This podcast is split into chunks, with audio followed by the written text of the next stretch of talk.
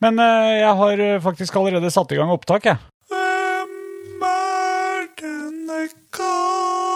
Mange har sine egne meninger om hva som er rett og galt.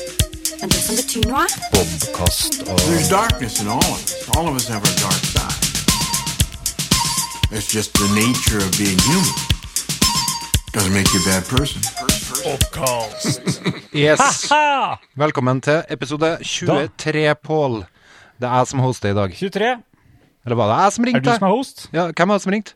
Nei, det er jeg som ringte, fordi eh, jeg fikk ikke til å ta den når du ringte. Vi var- Du snek deg til å bli host. Uh, Ja, men det går, går fint. Du kan, du kan bare hoste i vei. Det går bra. jeg, Jeg er uh, jeg er litt opptatt av det der, at det er jeg som bjuder på Eller innbjuder. Og da Når det er jeg som ringer opp, tror du det er sånn på møtene rundt omkring i landet nå? Du kan godt få lov å ringe meg opp hvis du vil det. Nei. Nei, det blir for pessete. For nå er vi jo på en ny plattform igjen. Vi gidder ikke det. Om det er sånn, eh, om det er sånn rundt Ja, vi er på, nå er vi på eh, Facebook Messenger, faktisk. ja. fordi at det er der vi eh, Ja. Vi forsker litt, da. Det er, det er mengdetrening på så mange vis, det her, Øystein. Absolutt. Absolutt. Ja. Og så syns jeg det er uh, storarta at du ser godt til sida for meg, litt over huet på meg. Det, det har vi snakka om før. Jeg skal prøve å plassere deg der, da. rett jo, Der? Ja. Å, ja, Nei, vi er på. Messenger, for vi har jo kalt inn uh, Vi prøver jo å få inn eh, gjester. Og jeg kalte inn en gjest som vi prøvde å få inn på Hangouts, vi prøvde å få inn på Skype, men uh, det her er ikke den mest digitale gjesten. Nei. Nei da. Det er en gjenganger. Det er en gjenganger. Det er en gjenganger. Det er, Hæ? Ja, det er en gjenganger. Jeg er blitt så glad over at vi har Ja, en gjenganger. Eh, For andre gang. Ja, men Øystein. Ja. Øystein, Ja. når, når folk eh, kommer til og besøker Norge to ganger, hva kalles de da? Eh, ulovlig Norgesvenn! innvandring. oh, ja. Åh, i alle dager. Norgesvenn! Ulovlig Sånn som Bonnie. Tyler. Ja, ja, ja. Bonnie Tyler, norgesvenn. Mm. Og vi har da en Bobcast-venn, tenker Ja. jeg. Ja, han blir jo det nå. Mm. Ja, ja, ja. Venn av. Ja. Vi har fortsatt uh, ikke uh, henta sponsormidlene våre i studio. Uh, Åh, har du kjøpt deg en Så dem ligger og venter på oss. First Price-sjokolade nok en gang har jeg vært på First Price, eller på bunnpris, da, og kjøpt meg sjokkis. den Jeg klarte å holde meg unna. Den er ikke spesielt god i forhold til Og da sier jeg den, Det her er sjokolade. Det er helt greit. Jeg kunne ha spist sikkert en tre-fire sånne plater. Men hvis du spiser én liten bit fra Klæbu sjokoladefabrikk, så holder det, liksom. Eh, For at det er så mye smak, og det er så godt. Og det koster så mye. Nei. Men det er jo sånn at hvis du øh, Det er jo sånn at hvis du spiser én liten bit Freia, og så prøver du å pakke det der tullet du har kjøpt deg nå, eh, så smaker det jo høgg. Hva du Nei, First? Price, eh, det er, det er kun Nei, den der sjokoladen din, den, den smaker ikke bra. Uh, Men hvis du har kaffe ved siden av, så går det an å få blanda så godt inn smaken at det går greit. Jeg derimot, jeg uh, slurper litt uh, rødvin i kveld, faktisk. Veldig bra. Veldig bra. Nei Det er ikke sikkert jeg feirer, Det er ikke sikkert jeg feirer, men det var noen andre Altså Siden vi er hjemme, så var det noen andre i huset som, som skulle Skulle vel ikke tylle i seg, men uh, kose seg litt. Uh, og, og da drypper det på klokkeren. Drypp det vin på klokkeren? Ja, det gjør faktisk det. Ja. Du, eh, det er Tor, Tor Egil. Tor Egil som sitter og venter ved Jonsvannet. Du må, vi, vi må få ringt den opp. På at vi skal ringe den opp, ja. Og hvorfor? Jeg må bare ha med den, um, ha med den introen, da. Eh, at uh, Nei, må jeg, kanskje jeg skal ta den med han til stedet? Jeg tar og Skal jeg ringe den opp, eller? Ja, OK, gjør det. Jeg går for deg litt Nå sjokolade. trykka jeg ring. Vet ikke om det blir noe ekstra lyd her da? Nei. Den hadde Mm. du håpa på. Jeg hadde håpa på det. Uh, skal vi se. Skjer det noe her? Add group members. Er ikke det du skal bruke, da? Jo, jeg har, jeg har lagt den til. Legg til gruppemedlemmer, ja. Mm. For noe siden. Mm. Ringe til den, står det til meg. Har ikke du sånn Det står at det ringer. Mm. Nei, ingen ringelyd. Nei. Del, det står 'deltar i samme Ringer, ja. Ringer, ringer, ringer. Nå skal vi se. Jeg fikk opp en ny, Om han ta... en ny gruppe her, da. Pål Christian okay. started a videochat. Her står 'tilkobla på Øystein eh, Borgen' og ringer på Tor Egil Bagøyen. Jeg er spent, altså. Ja, Det er, han, det, det er jo han som har undervist eh, barnehagelærere. Undervist eh, lærere i kroppsøving, eh, kanskje?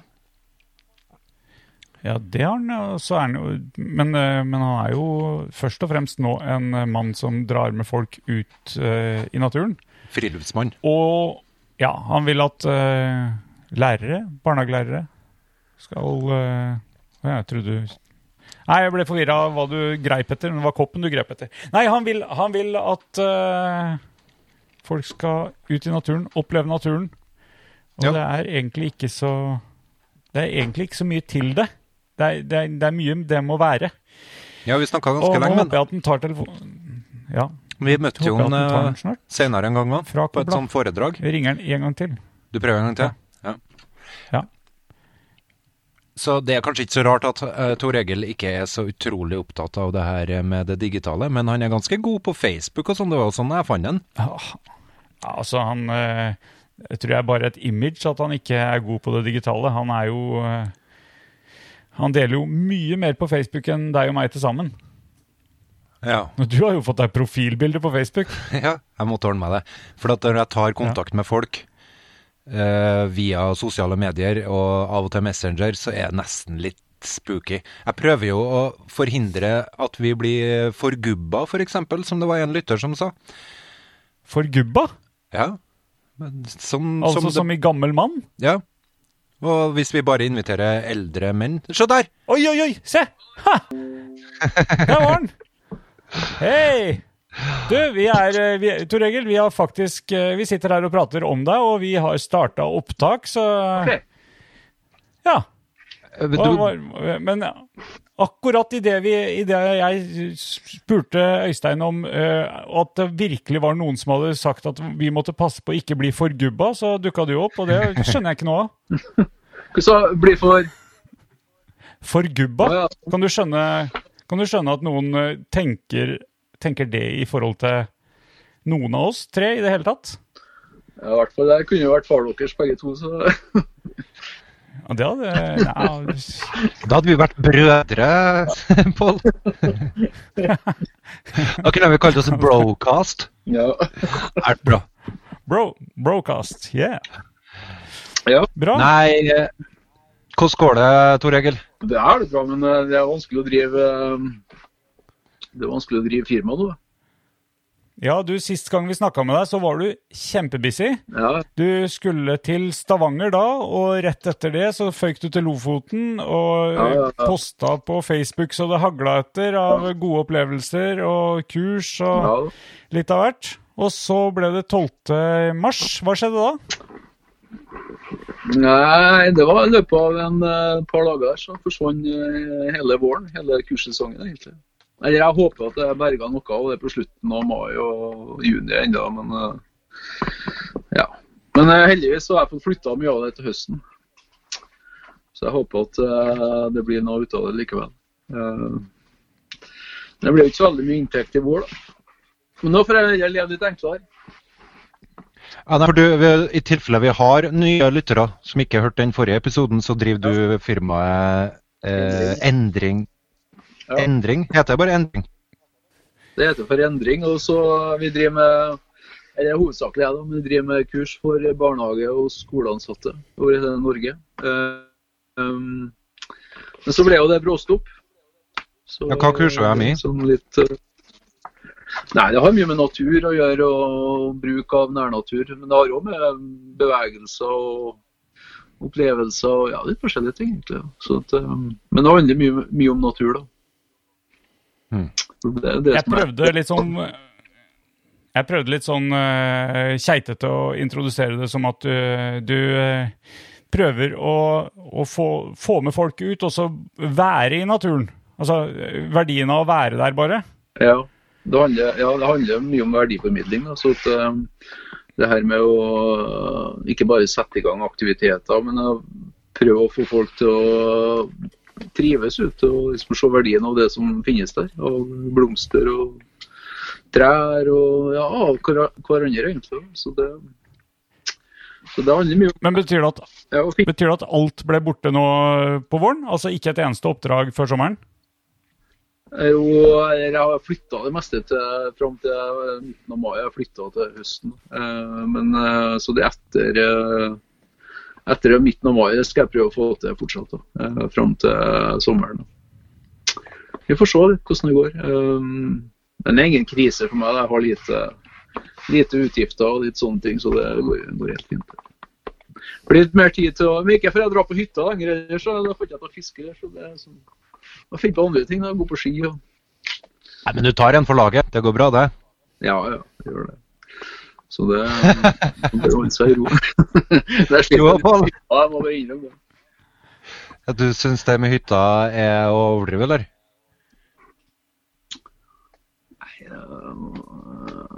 For Nå har ikke jeg hytte, sjø. Ja. Og begge dere to har hytte. Ja. Jeg syns jo det er hysterisk artig å se at eh, folk hauser seg så gærent opp for den her hytta.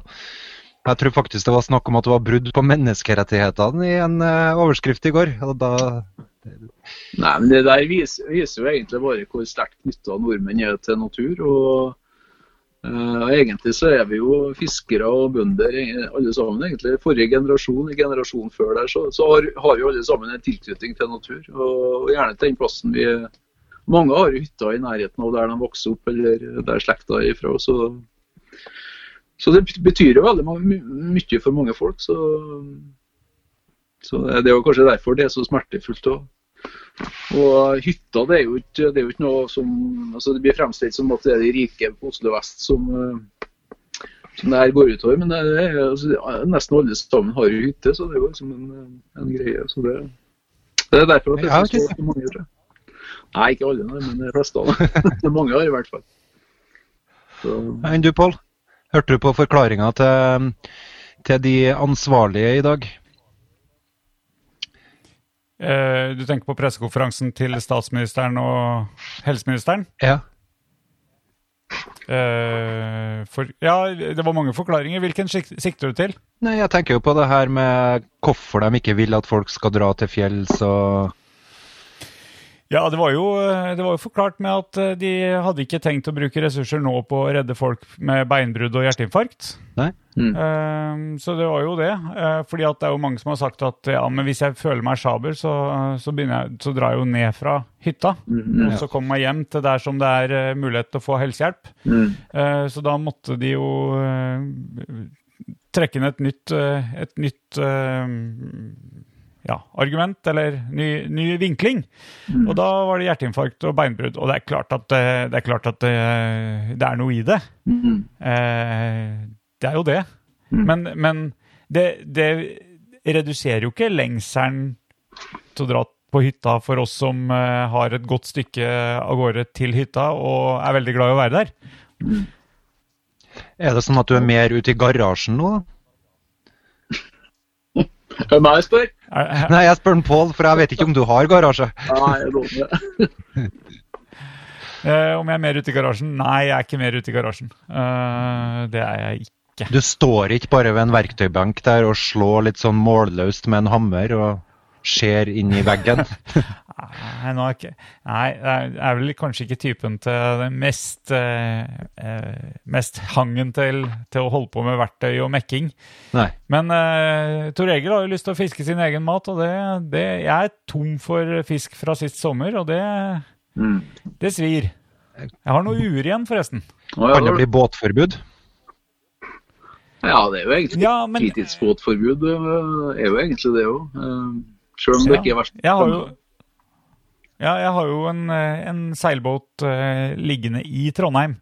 Ja. som jeg jo kunne dratt ut med. Men uh, ja, foreløpig så det, har det jo ikke vært noe særlig vær til det. da, Og jeg er ikke noe, jeg er ikke noe stor seiler, så jeg vil gjerne Jeg er nok en godværsseiler i så fall.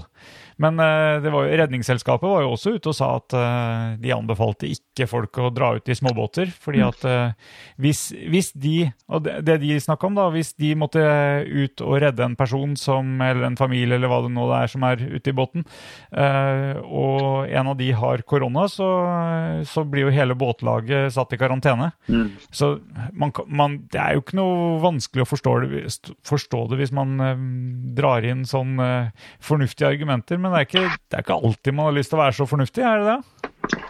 Nei Jeg skal være litt forsiktig nå, men eh, Nei. Jeg bare sier at jeg har lyst til å dra på hytta, men eh, det er vel kanskje litt vanskelig akkurat nå. Men det som jeg Men- men syns er, det- men er trist, er jo at, eh, at mye av Norge stenges ned, og at det lages egne karanteneregler som det ikke er noen lovhjemmel for, og som, som egentlig skaper bare masse strid. og som setter eh, nord mot sør og by mot land mot hverandre, det synes jeg det måtte gått an å ordne på annet vis. Det, um, det syns jeg er en dårlig sak for demokratiet, så jeg håper at det blir løst opp litt i det. egentlig. Hva du kunne Ja, tenkt deg har sett eh, blitt løst opp, da? Mm. Hva du kunne tenkt deg har sett blitt løst opp?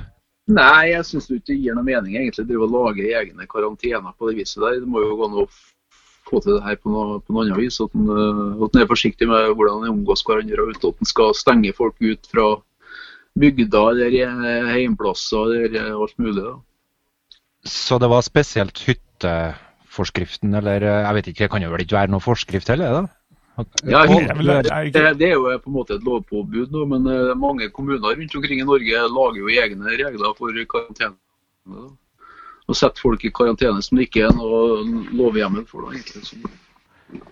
Ja, Hvis du drar fra Trøndelag og nordover eh, til Helgeland nå, så, så er det jo to, to uker i karantene som eh, alle kommunene der har vedtatt. ja, det er jo sånn. Og, Og nå, nå skulle de sette opp militærpost ved ja. Det var bare Det var, det var litt eh, Jeg vet ikke hvor, hvor seriøst det var, men uh, ved Nordlandsporten ønska de en eh, militærpost. Ja. Uh, men Tor Egil, du har jo jeg, Siden sist så har jo vi blitt venner på Facebook, og jeg ser at du har, du har lagt ut en liten avstemning i dag. Tillatt med tur, og så sitter du høyt oppi og kikker utover Jeg tror det er Jonsvannet, gjør du ikke det? Det der har ikke jeg sett. ja, så veldig høyt, var ikke det? På Jærfjellet. Ja, ja, ja, men, eh, men det er god utsikt. Ja, jo, det. Så det, Ja. så det Eh, tillatt med tur, ja, nei, hva har folk svart? Nei, Svaret er jo ja, da. Så det er jo lov til, det er jo lov til å gå på tur hvis du har litt avstand. Og, og så trenger du heller ikke dra på sånne turer som eh, der en utfordrer og ja, der sjansen er stor for å bli tatt i snøskred eller at du ikke klarer deg sjøl. sånne ting. Men stort sett så klarer jeg meg sjøl, egentlig. så det går, eh, går helt fint. Ja. Og så er jeg blitt litt pys, pyse med alderen også, så det er jeg litt forsiktig. Men Jærfjellet er jo en fin plass. Det synes jeg er en, det er ingen som er der. og det, Da kommer du litt opp og får utsikt utover eh, Trondheim og ja, hele veien, egentlig, mot Meråker. Og. Så det er liksom nærturen til, til der jeg bor. Jeg fikk høre at eh, folk hadde aldri sett så mye folk ut i marka som i eh, helga nå. Nei, nei, nei. Det var, jeg var, jo- var jo på Mannfjellet på Meråker på lørdag, det. Og der var det jo mange hundre biler. da. Ja. Men så er det jo sånn at hvis du med, med jeg, bruker, jeg liker jo ikke å gå der andre går, så jeg går jo med en gang litt utover. og med, ja, Etter ti minutter så så vi jo ingen da, Nei. av de her Nei. mange hundre som var her. Så det, Ja, for det er jo De fleste stort. følger jo uh, merka stier og sånt. ja, ja. Så jeg prøver å holde meg litt unna, da, egentlig. Det kan være litt bra i forhold til smitte. Går ikke du jeg vill? Nei. Tor Egil? Nei? Nei, nei, nei. nei. Bruker du GPS? nei. Nei. Bruker du telefon? Orienterer. Du Jeg må være ærlig, så, så mm, bruker jeg nesten bare bruker Bruker ut.no ser litt på det. Så det Ja. Sjelden jeg bruker kart, egentlig. Det, det liksom, ja. De fleste områdene har jeg vært i før og litt sånne ting. Også. Men det må jo liksom, hvis, det, hvis du ser at uværet kommer, og det blir dårlig vær, så må du jo følge med litt mer. Da, så at du, at du er sikker på at du øh, finner veien tilbake igjen. Så det merker jeg med en gang det begynner å bli litt uh, uoversiktlig. det begynner å bli mørkt i vest, vest, så begynner jeg liksom å se etter ting som kan uh, Ledelinjer som fører meg tilbake til, til et eller annet som jeg finner fram. Så det, mm. det er liksom, Man må være litt på, på vakt da, det, hvis, det, hvis det er litt dårlig vær. Er det hemmeligheten bak eh, god eh, retningssans? Å være litt eh, på utkikk etter merker og Ja, i hvert fall hvis du, hvis du ser, du må jo følge med hele tida. Sånn, hvis du merker at været begynner å bli litt dårligere, og sånt, så må du jo liksom være litt overvåken. og Da begynner du å lete etter ledelinja. og At du skal følge en back tilbake igjen, eller eh, et høydedrag eller sånt, så hva som tar deg tilbake til, til der du har kommet. da. Så Det er liksom en sånn jeg har holdt på med det her i eh, en mannsalder. Men det eneste du lyktes med det. Eh, Nei, nei du, er jo, du er nøye på å snakke deg sjøl passende ned. Ja, Ikke noe spesielt med meg, sier du. ja, Når jeg sendte deg beskjed i dag, og så får jeg beskjed ja, jeg må ta deg etter jeg kommer ned fra fjellet, da. Så du, du er nå Du kommer deg ut på tur. Ja, prøve å gjøre det. Det er liksom det som gir meg mening i tilværelsen. jeg synes det. Eh, nå har jeg vært mulig, Det er derfor jeg har den jobben jeg har for at jeg kan eh, dra litt ut og ja, så jeg syns det er trivelig å være der, rett og slett. Eh, som, uten at det er noe mål og mening med det. Og så kan jeg, jo, kan jeg jo drive et firma. og jo, det meste går jo på telefon, så jeg kan jo egentlig drive et firma fra, fra turen. Prøve å være på tur også. Ja, Men det eneste du lyktes med i forhold til meg og Pål, var jo å få oss til byen. For første gang på flere år, for min del omtrent. Ja, ja. Hva, hva syns dere, da?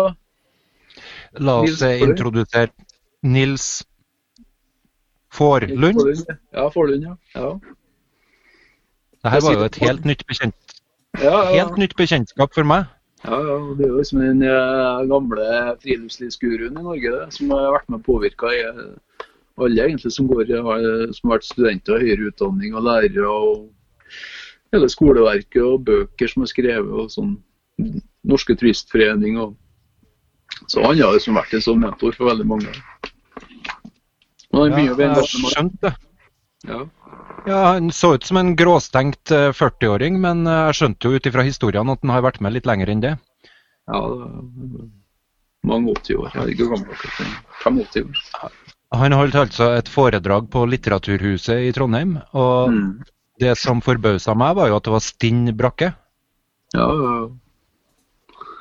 Det var jo det. Han er jo en, eh, Hva, hva er teorien din? For jeg hadde noen teorier om hvorfor det var stinn brakke. Eh, Jeg tenkte at dette her måtte være studenter som har fått eh, i oppgave å dra dit. Eller er Nei. han her, her så populær? Ja, det er, han har jo liksom vært den fremste friluftslivs... Har jo vært eh, ja, har liksom vært den fremste i, helt siden først på 70-tallet. Nå I siste årene her så har han jo blitt gamlere og det har liksom ikke vært sånn fram i media. Det er andre som har kommet fram. Men... Så de aller fleste som har holdt på med friluftsliv, vet jo av han.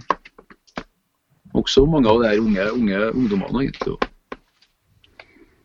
Hva tok du med deg fra eh, forelesninga, Pål? Ja, nei, jeg skulle, jeg skulle gå inn på det um, En, en ting som jeg hadde et, et spørsmål etterpå, som kanskje Tor Egil kan hjelpe meg med. Mm. Det var at han eh, Og da har jeg litt bar barnehageperspektiv, jeg, da. Han, eh, han var veldig tydelig på at han, eh, han sa eh, kutt ut eh, tilrettelegginga. Og jeg oppfatta egentlig at han mente det fra, eh, fra de yngste barna og egentlig helt opp. Eh, for hvis vi, hvis vi driver med tilrettelegginga, så eh, Hvordan skal jeg formulere det? Eh, jeg husker ikke hvordan han formulerte det, men, men min oppfatning var at han da mener at da eh, da tar vi vekk den indre motivasjonen eh, og, og påfører ytre stimuli og ytre motivasjon til å bruke og være i naturen. Og det ønska han ikke, så han sa ta vekk all eh, det, var, nesten sånn, hvis jeg skal sette på spissen, ta med et barn, sett ut i skogen og gå et godt stykke unna, og så skjer det fantastiske ting av seg sjøl. Ja, det er litt sånn Rousseau her igjen. Eh, Men det, handler mye om at, eh, at altså det er snakk om fri natur. Så uberørt natur eller villmark. At det er det liksom den mest ideelle det mest ideelle miljøet for å drive med undervisning og opplæring. Da. Så, til, så det handler mye om å være på tur og bare oppleve den naturen som er der. Da. Så tilrettelegging av natur det har jo liten plass i den her eh, veiledningspedagogikken som han egentlig har utforma. Ja, har du turt å vise boka 'Naturlekeplassen', eller? Nei. Nei. Ja, men den eh, andre første boka vi skrev, den 'Barn i friluft', om verdifullt friluftsliv, den har, han jo lest, og den har vi jo diskutert, så den eh, liker han jo. Så um, Da nei, men jeg har respekt for det at vi driver det på litt forskjellige måter. da. Den, ja. Ja, det var, det var lærer, Det var det. verdier. Økofilosofi. Ja. Ja. ja. Nei, bare til de som ikke ser, eh, ser jeg holder opp eh, boka til Tor Egil. Ja. 'Barn i friluft'. Den Ja. lå en armlengde unna her. De som vil høre mer om det, kan jo høre den eh, episode 13, tror jeg det var. Der vi hadde Tor Egil og snakka mye om det. Ja. ja. Ti episoder siden, Tor Egil. Vi har holdt på. Ti? Oi, ja. Ja. ja, bra. Ja, jeg syns dere er flinke. Det er spennende. vi, Det, eh, eh, det, her, det her er drevet av indre motivasjon. Ja, ja, ja. Det er kjempe, kjempeartig. vi, Ja. vi kom i en liten sånn eksistensiell krise med koronaen, vi òg, da. Ja det er jo ikke Fordi eh, det er jo ikke det samme, dette her heller. Eh, Det blir litt som, som forskjellen på å være i naturen og det å se dokumentarer, ja. nesten. ja, ja. Begge deler kan være fascinerende. Ja, men jeg syns jo det er, synes jo det er spennende det som skjer i skoleverket. Og det her med, med bruk av eh, undervisning på, gjennom eh, Skype. Det heter ikke Skype, det er Teams. Det heter det nå kanskje. Eh, Ja, det er mye, mye forskjellig. Det er så Ja, mye Mye forskjellig. forskjellig. Så det syns jeg jo eh, det er jo spennende. Sant? Folk, både lærere og eh, elever må jo tenke på nye måter og omgås på andre måter. Og, og det er kanskje elever med andre Men- kvaliteter som uh, får muligheten til å vise seg fram. Så det, er- det syns jeg er et spennende prosjekt. det akkurat her. Du har ikke vurdert uh, å vri noe av din virksomhet i den perioden nå over på et eller annet webinar av noe slag? Nei, nei, nei. nei. Nei, nei, nei. nei, nei. Nei, ikke greia, det er ikke greia mi. Nei, det finner jeg på noe annet. Altså. Eh, så det Nei, for, for Men det, vi- vi, vi kan- så er det jo direkte du- naturmøte som er det viktige. Og, Ja, ja, men du går, du går foran, jeg løper etter med et kamera, og så, så har vi det. Ja, ja. Men jeg har tjent penger på det, det er nettopp det. Nei, Det er der det ligger. Det En måned må nesten tjene penger. Ja, Det er mye så artig å gjøre. Ja. Hvis du skal overleve som selvstendig næringsdrivende, så må du tjene litt penger. Ja. Det er jo Ja. ingen som betaler de her eh, eh, folkene bare for å gå på seminarene dine. Jo, det gjør de jo, for så vidt. Farmpål, kan ikke du bare få barnehagen din til å ta kurs nå? Nei, du kan Nei, det er jo alt Jeg, du, jeg glemmer ting hele tida. Jeg glemmer koronaen tvert. I stad var jeg på butikken, og jeg, jeg fikk en sånn dårlig feeling, for det var sånn eldre kvinnfolk som spratt unna meg. Og da hadde jeg helt glemt her, at vi skulle holde avstand, så jeg gikk med dattera mi, var ganske godt humør, skulle handle inn til podkast, skulle kjøpe meg sjokolade. Eh, skulle kjøpe inn uh, ingredienser til hennes uh, hjemmemat- og helselekse, eller hva de har, jeg vet ikke. De hadde lekse i å lage vafler. Og så ser jeg ei dame som bare begynner å rygge og utføre litt sånn kroppsbevegelser som den gamle dama sikkert ikke gjør til vanlig, tenkte jeg. Og så lurte jeg på hva, hva, hva er den stemninga her? Og så slo det meg plutselig, da. Og da følte jeg nesten som jeg hadde gjort en forbrytelse. Og det verste er jo at jeg kunne ha gjort det. Jeg kunne jo helt sikkert uh, smitta Det der med bare At jeg kom så nær henne. Og så kunne jeg ha gått i vei. Og så har jeg blitt drapsmann, bare fordi jeg er så dum og glemmer det hele tida. Nå hadde jeg lyst til å starte et seminar med en Tor Egil og barnehagen din. og spleise dere. Det er full krise her. ja, ja, ja. Nei, og så gikk du og tok på alle eplene og rota ned i Nei, vet du hva, jeg gikk og kjefta. Jeg gikk og kjefta på dattera mi for at hun gikk og tok på alt. Samtidig som jeg glemmer hvorfor jeg egentlig kjefter, for jeg er så glad i å kjefte.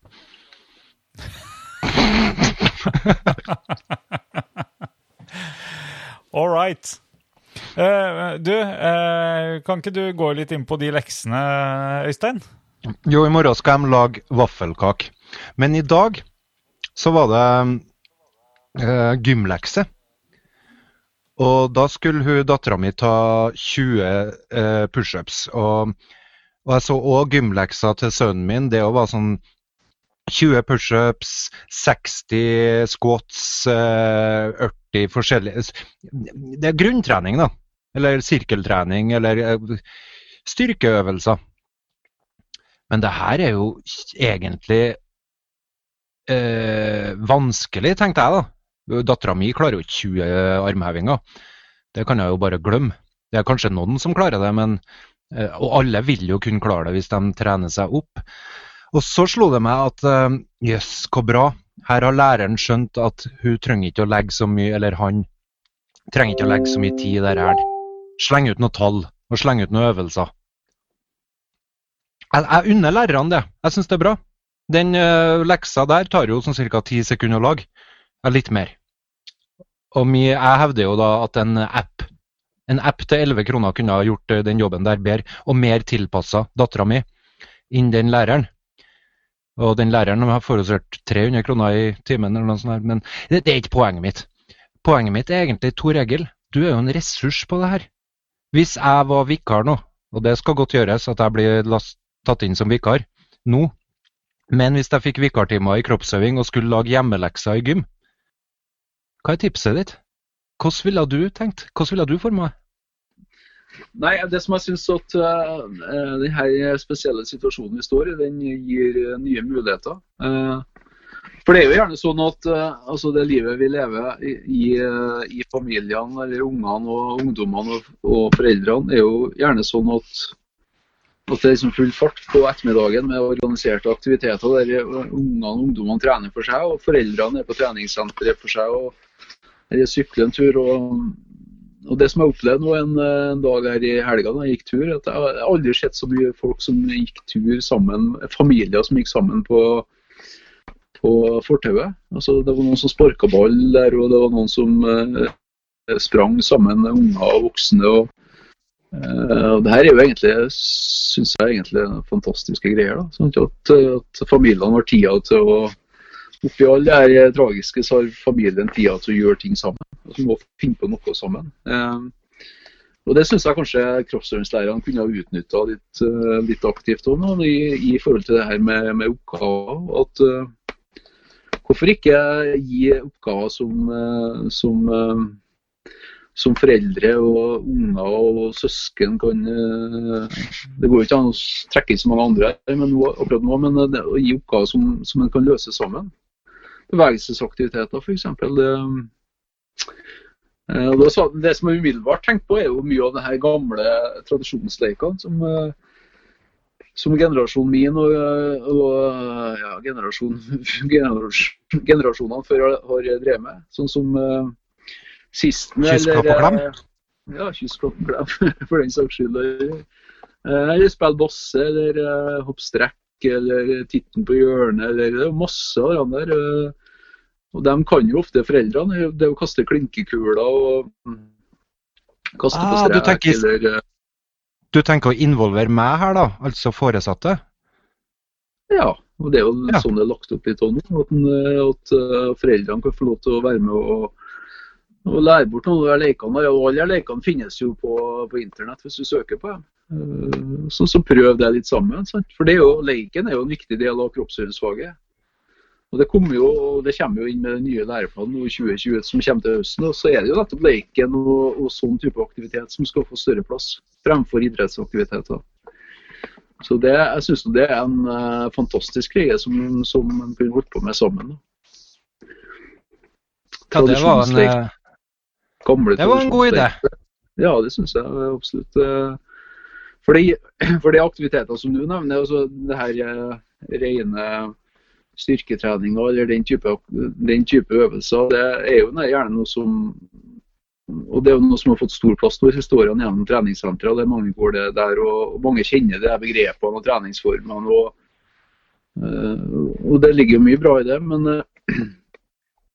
uh, men kroppsøvingsfaget skal jo egentlig være litt mer idrett og mer enn treningssenteret. Det skal jo utfordre mange sider ved, ved, ved ungen og eleven.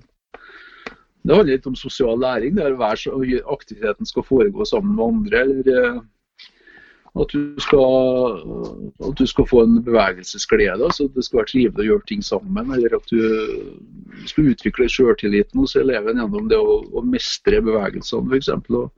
Så Det er så mange aspekter ved det her med det å være i bevegelse som er viktig. eh, Og ikke bare det med å, å styrke muskulaturen eller ja, kondisjoner, som egentlig er eh, det tradisjonelle i kroppssynsfaget.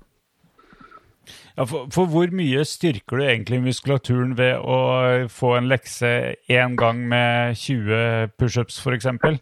Jeg tenker at du eh, kanskje genererer mer motstand mot å gjøre sånne ting eh, enn, å, enn eh, bevegelsesglede, i hvert fall. Ja, ja, så det er jo sant. Og hensikten med kroppsøvingsfaget er jo at du skal fremme livslang eh, altså interesse for det her med å være i bevegelse. Så at du skal ha en kropp resten av livet som du skal kunne bruke. og da eh, da er det jo mer også å, finne aktiviteter der du er, der, som det er knytta en glede til. Eh, som du har lyst på nytt igjen, og ja, som du føler at du klarer å mestre. Da.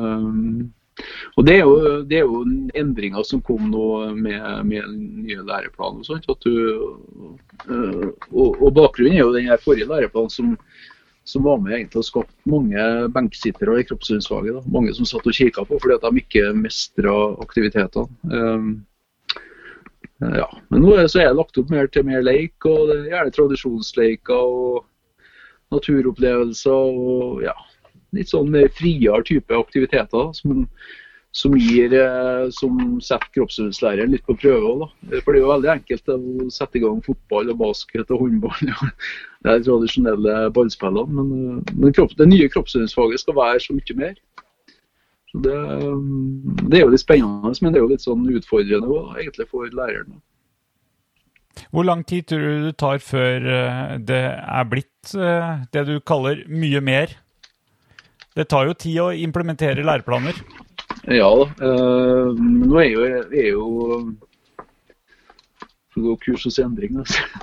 Nei, men, Ja, ja, ja, det var en kjempeidé. men, Det nå, var, det var en lissepasning.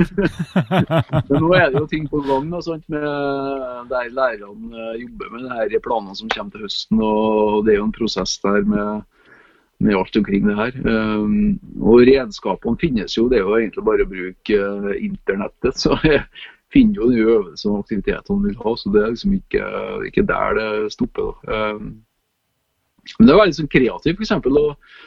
Sånn som nå i den tida, her, å lage hinderløyper f.eks. inne i huset. Eller eh, at familien kunne ha laga sammen, eh, fått noen bilder av sånn eh, bygge pyramider f.eks. For i forskjellige former. Eh, ulike turøvelser, balanseøvelser som man kan gjøre sammen. og inne i huset. Um, eller kan gå opp i nærskogen her og lage ei hytte, eller eh, samle sammen ting, eller bare ligge i ro. eller... eh.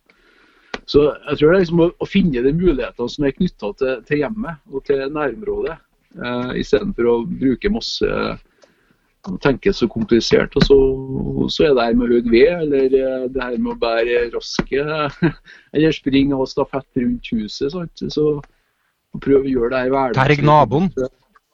Terg naboen. Terg naboen med å ringe på og stikke av, f.eks.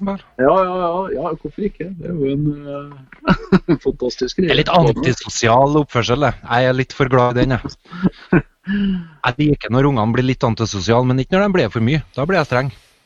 Ja.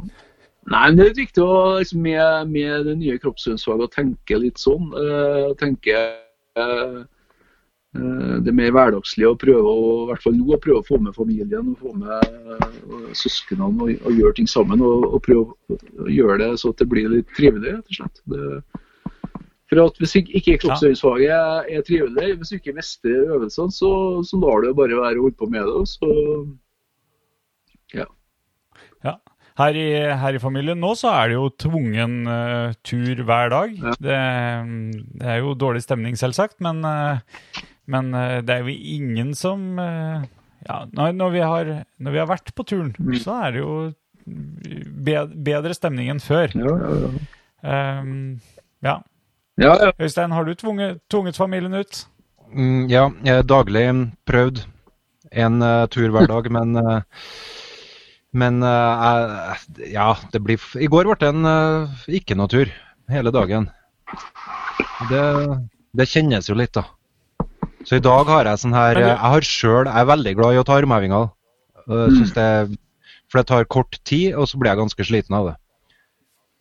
Så i dag skal jeg ta armhevinger. Men jeg tror kanskje jeg må gå meg en tur òg. Kan kan jeg skryte hva jeg har gjort i dag, da? Hver jeg gang vi vet hva han Ja, Pål har gjort. seg. For hver gang han spør om det, og der spør han om nesten hver podkast, så har han sprunget mer. Han er veldig Ja, glad i å springe. sprang kan du, eh, kan du la meg slippe til litt, grann, Øystein? Så har jeg òg veldig problem med det her med å kommunisere på sånn her videochat. For uh, jeg har ikke noe timing, Torgeir. Det, så derfor, det kan virke som jeg er uhøflig å snakke over en Pål, men jeg gjør ikke det. Det er bare jeg som ikke takler mediet. OK, jeg lener meg bakover. Jeg må, jeg må fortelle om eh, Det var jo motsatt opplevelsen 12. Jeg husker godt datoen. for 12. mars. Eh, Ja, er mars, 12. mars ja. Så eh, Dattera mi var på reise i Asia sammen med venninnene. Ja. Og Så begynte jo situasjonen å bli litt sånn uoversiktlig her da, 10.-11. mars. Så, men de jentene de, de hadde jo veldig trivelig på Bali, Bali og bada og kosa seg. Og de ville absolutt ikke hjem. da. Så Nei, det skjønner jeg. Da, så det var motsatt. Da endte jeg opp med at jeg måtte true dem hjem fra, fra turen. Og, og takk og pris for det, så fikk jeg dem hjem til 12. 12. mars. da. Så det var oh, ja, siste liten, egentlig. Ja, vil, du, vil du eh, røpe trusselen din, eller? Hva var, du, hva, hva var storslegga? Jeg, jeg kobla inn de andre foreldrene etter hvert, så ble det liksom, var det enklere å få gjennomslag. Det var liksom motsatt, motsatte, så det var liksom å tvinge henne inn fra tur. Det, Ja, jeg husker ikke om du fortalte det på eh, sist pod, eller om jeg så det på Facebook, men uh, dattera di skulle på en ganske lang tur i, Ås, Asia. i uh, Ja. ja, rundt omkring i Asia. Men den ble av, avbrutt etter to uker, var det det? Ja, jeg gjorde det. Så det Ja, bi bittert. Ja, det var det, men det var egentlig veldig bra for alle sammen, tror jeg, at hun kom hjem. Sånn. Ja, for, for far var det nok veldig bra. Ja, Jeg blir bekymra når det er far. Ja. Mm. Nei, Pål, Pål, kjør på, da. Greit, det. Eh, synd for dattera di. Uh, Pål, vi kan ikke uh, gå videre nå uten å få høre hva du har gjort i dag, da. Å ja, nei, jeg hadde nesten glemt det, skjønner du, Øystein. Uh, at jeg, jeg hadde nesten glemt at Hvor jeg gammel er dattera di, på, Tor Egil? 20. 20 Hvor år. på 20? Så må bli såpass før du kan fære rundt på fartøya, syns du? ja, det skjønner jeg. Jeg har ikke sluppet ut Asia før. Jeg blir 21. Ja. ja. Nei, Pål, hva har du gjort i dag? Ehm, eh, et skjellsord jeg liker veldig godt, er rasshøl. Jeg vet ikke det, Ja. Nei, eh, det kan vi klippe vekk. Det går ikke an. Eh, nei, jeg løp hele, mm, hele statsministerens pressekonferanse. Ja, det var jeg fornøyd med. Det, var, det tok 45 minutter. På mølla inne, helt smittefritt. Det, det var bra. Men, eh, men Øystein, vi, vi løper jo faktisk sammen her om dagen. Ja, det, det, det burde du jo egentlig ikke si høyt. For nå hørte jeg jo vi må jo være to meter unna hverandre. Ja, jeg, ja, men det var ikke noe problem, for du klarte jo ikke å holde følge.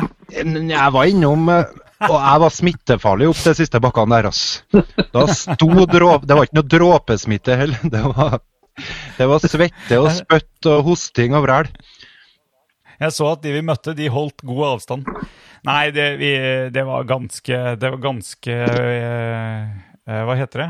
Um, ansvarlig. Det var en ganske ansvarlig løpetur. Eh, Var det det? For jeg, jeg lurte litt etterpå på det.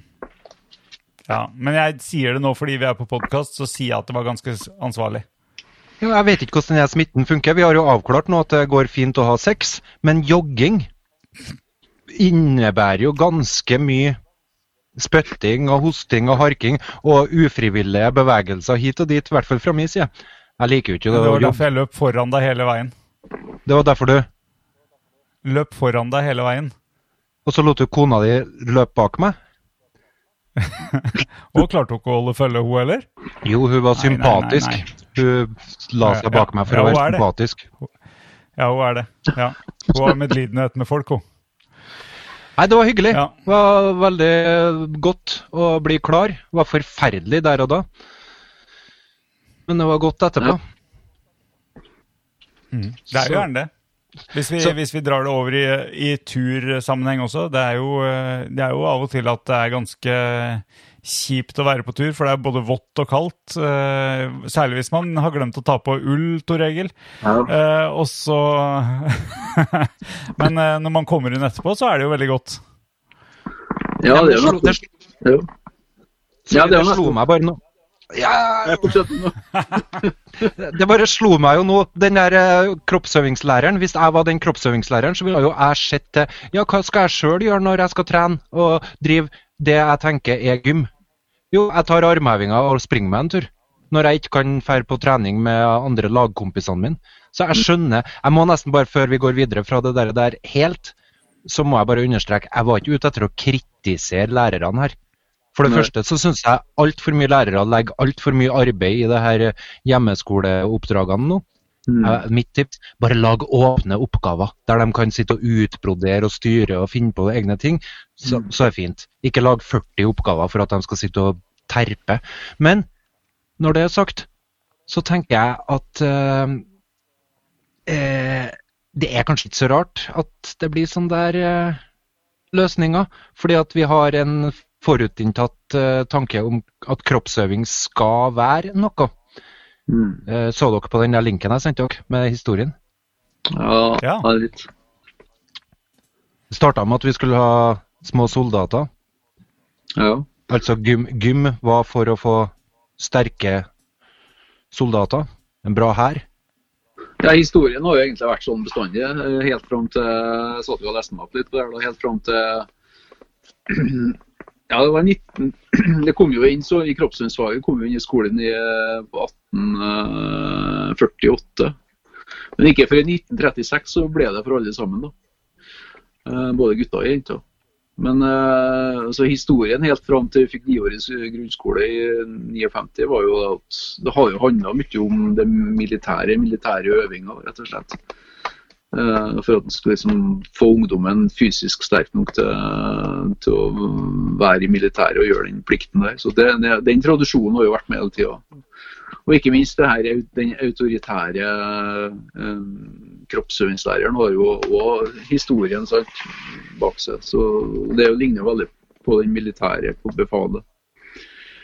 Men det her forandrer utover fra, fra 70-tallet og utover. Da, sant? Så nå um, er jo uh, Og med, den siste læreplanen så skal jo eleven være en så det er Elevmedvirkning og ja, uh, selvbestemmelse blir jo viktig, en viktig, viktig metodikk. Da, en uh, viktig side ved lærerrollen, egentlig.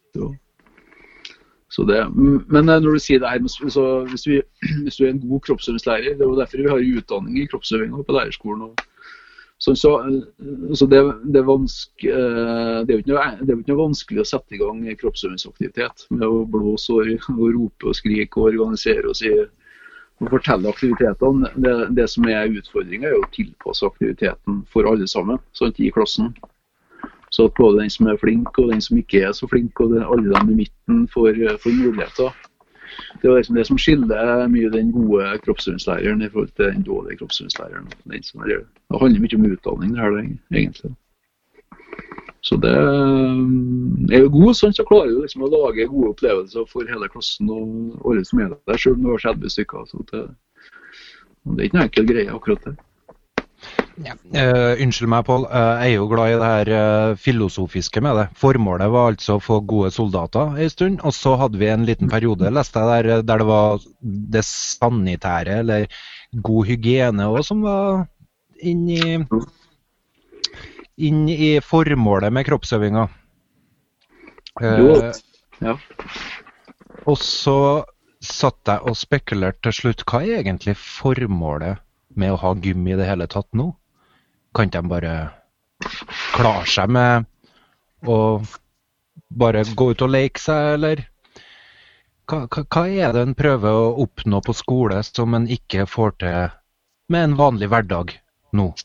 For nå er vi jo hjemme likevel.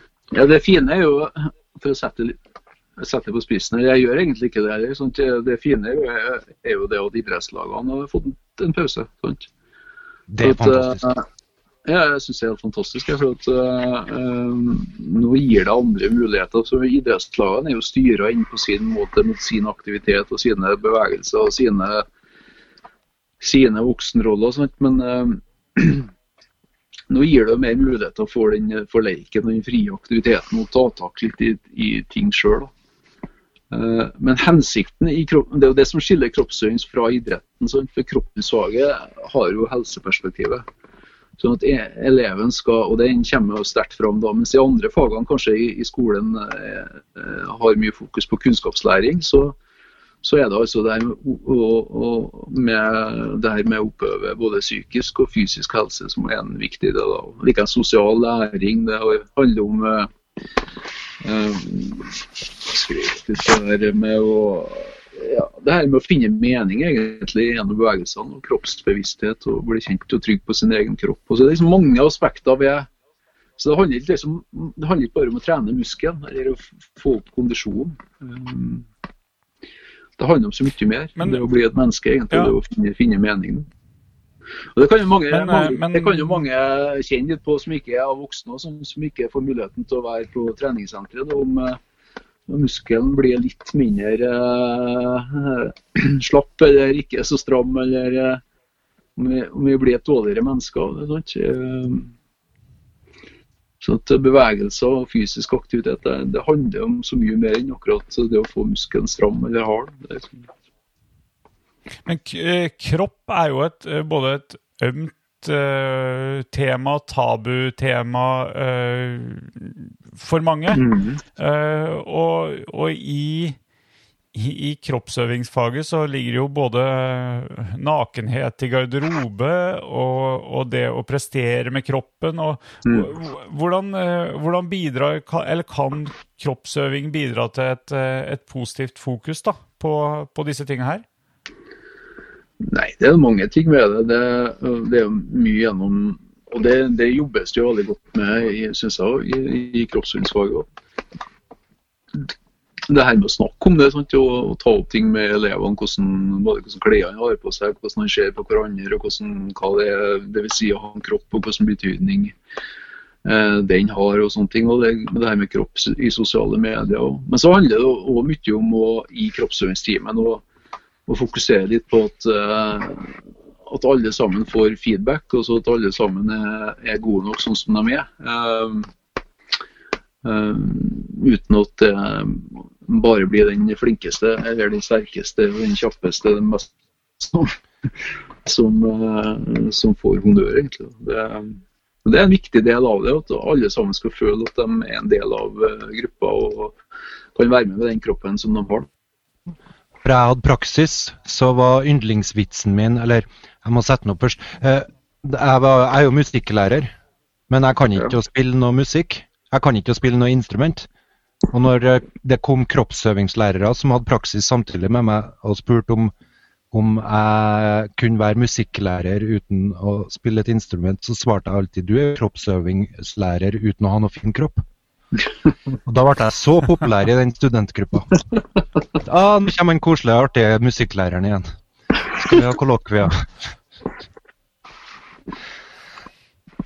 Så, men uh, jeg, jeg, jeg, tenker likevel at uh, alle de her fagene på skolen blir jo virkelig noe lærerne må reflektere over nå, og har muligheten til det. Mm. Er ikke det fantastisk? Trengs ikke det av og til? å ha pusterom der du reflekterer litt over hvordan du driver ting, og så kanskje finne ut nye måter å gjøre det på? Jo, jo. Og det gjelder ikke bare skolen. så Mye av det her som har med denne koronavåren er jo, det, klart det er jo masse negative ting med det, men, men samtidig så kan jo det her ende opp i noe som er, som er positivt for mange. Sånn at en tenker på litt andre måter, det er litt andre verdier som, eh, som får betydning, og som Kanskje det er mye å si for familiene, og sånt, hvordan de omgås og hvordan eh, ja, at en finner plutselig at det går an å gjøre ting sammen på fritida. Sånn eh, Kjenne på at det er en eh, bra greie. Uten at en må fære til, til, sitt og alle sammen hele tida. Sånn så det tror jeg det kommer, kan komme mye godt ut av det, og, også i skolen. altså Metodisk og hvordan, ja, hvordan du tenker. For det, handler, nå handler det om at læreren får jo ikke muligheten til å være så kontrollerende og følge med på alt som skjer. sant? Nå er det litt opp til eleven sjøl å ta tak i ting og jobbe på egen hånd. Uten at læreren er, er, er der. Selvsagt kan læreren legge inn oppgaver når han må ta bilder av det han har gjort, og sånne ting, men eh, det blir veldig mye opp til, til eleven sjøl. Og, sånn er det jo ellers i arbeidslivet når du blir voksen òg. Du må liksom gripe tak i tilværelsen sjøl og gjøre noe med den. Så det kan komme noe godt ut av det her. Vi snakka jo mye sist vi prata om det her med verdier. Sant? Og, det handler mye om det òg. Å prøve å kanskje finne litt enklere ting å fokusere på. Kanskje ta seg en tur i skogen bakom huset, og så oppdager du plutselig at det er trives å være der òg.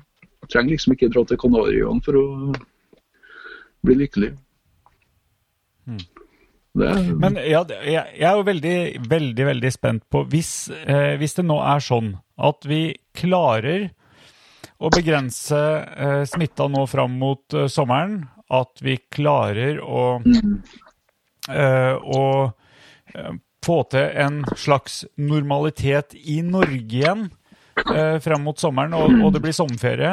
Eh, så jeg har jo ingen tro på at verden er friskmeldt, eh, og jeg tror at grensene kommer til å være stengt mye lenger enn til sommeren. Og det betyr at sommerferien den blir i Norge for hele hurven. Så håper jeg jo at du og jeg Tor Egil, kan dra på hver vår hytte og skryte av eh, hvem som fikk den største kveita.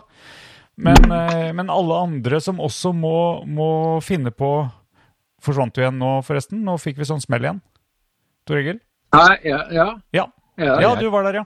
ja. ja, ja, ja. Supert. Uh, nei, og, og det, det vil jo si at uh, alle de norske reiselivsbedriftene som nå ligger med brekt rygg, uh, vil få veldig mye å gjøre til sommeren hvis det går som jeg, og sikkert dere også, håper, at, at smitten går ned igjen, og at vi kan starte et litt sånn normalliv. Men vi kan ikke dra til Kanariøyene, vi kan ikke dra til ja, det det er veldig mange som drar til Syden på sommeren. Det har jeg aldri forstått, for jeg syns norsk sommer er fantastisk. Jeg har jo litt samarbeid med Meløy Adventure i Meløy i, i Nordland. Så jeg snakka, Ja. med dem i dag. Og, og der er jo all aktiviteten avblåst. øh, kanskje for hele sesongen.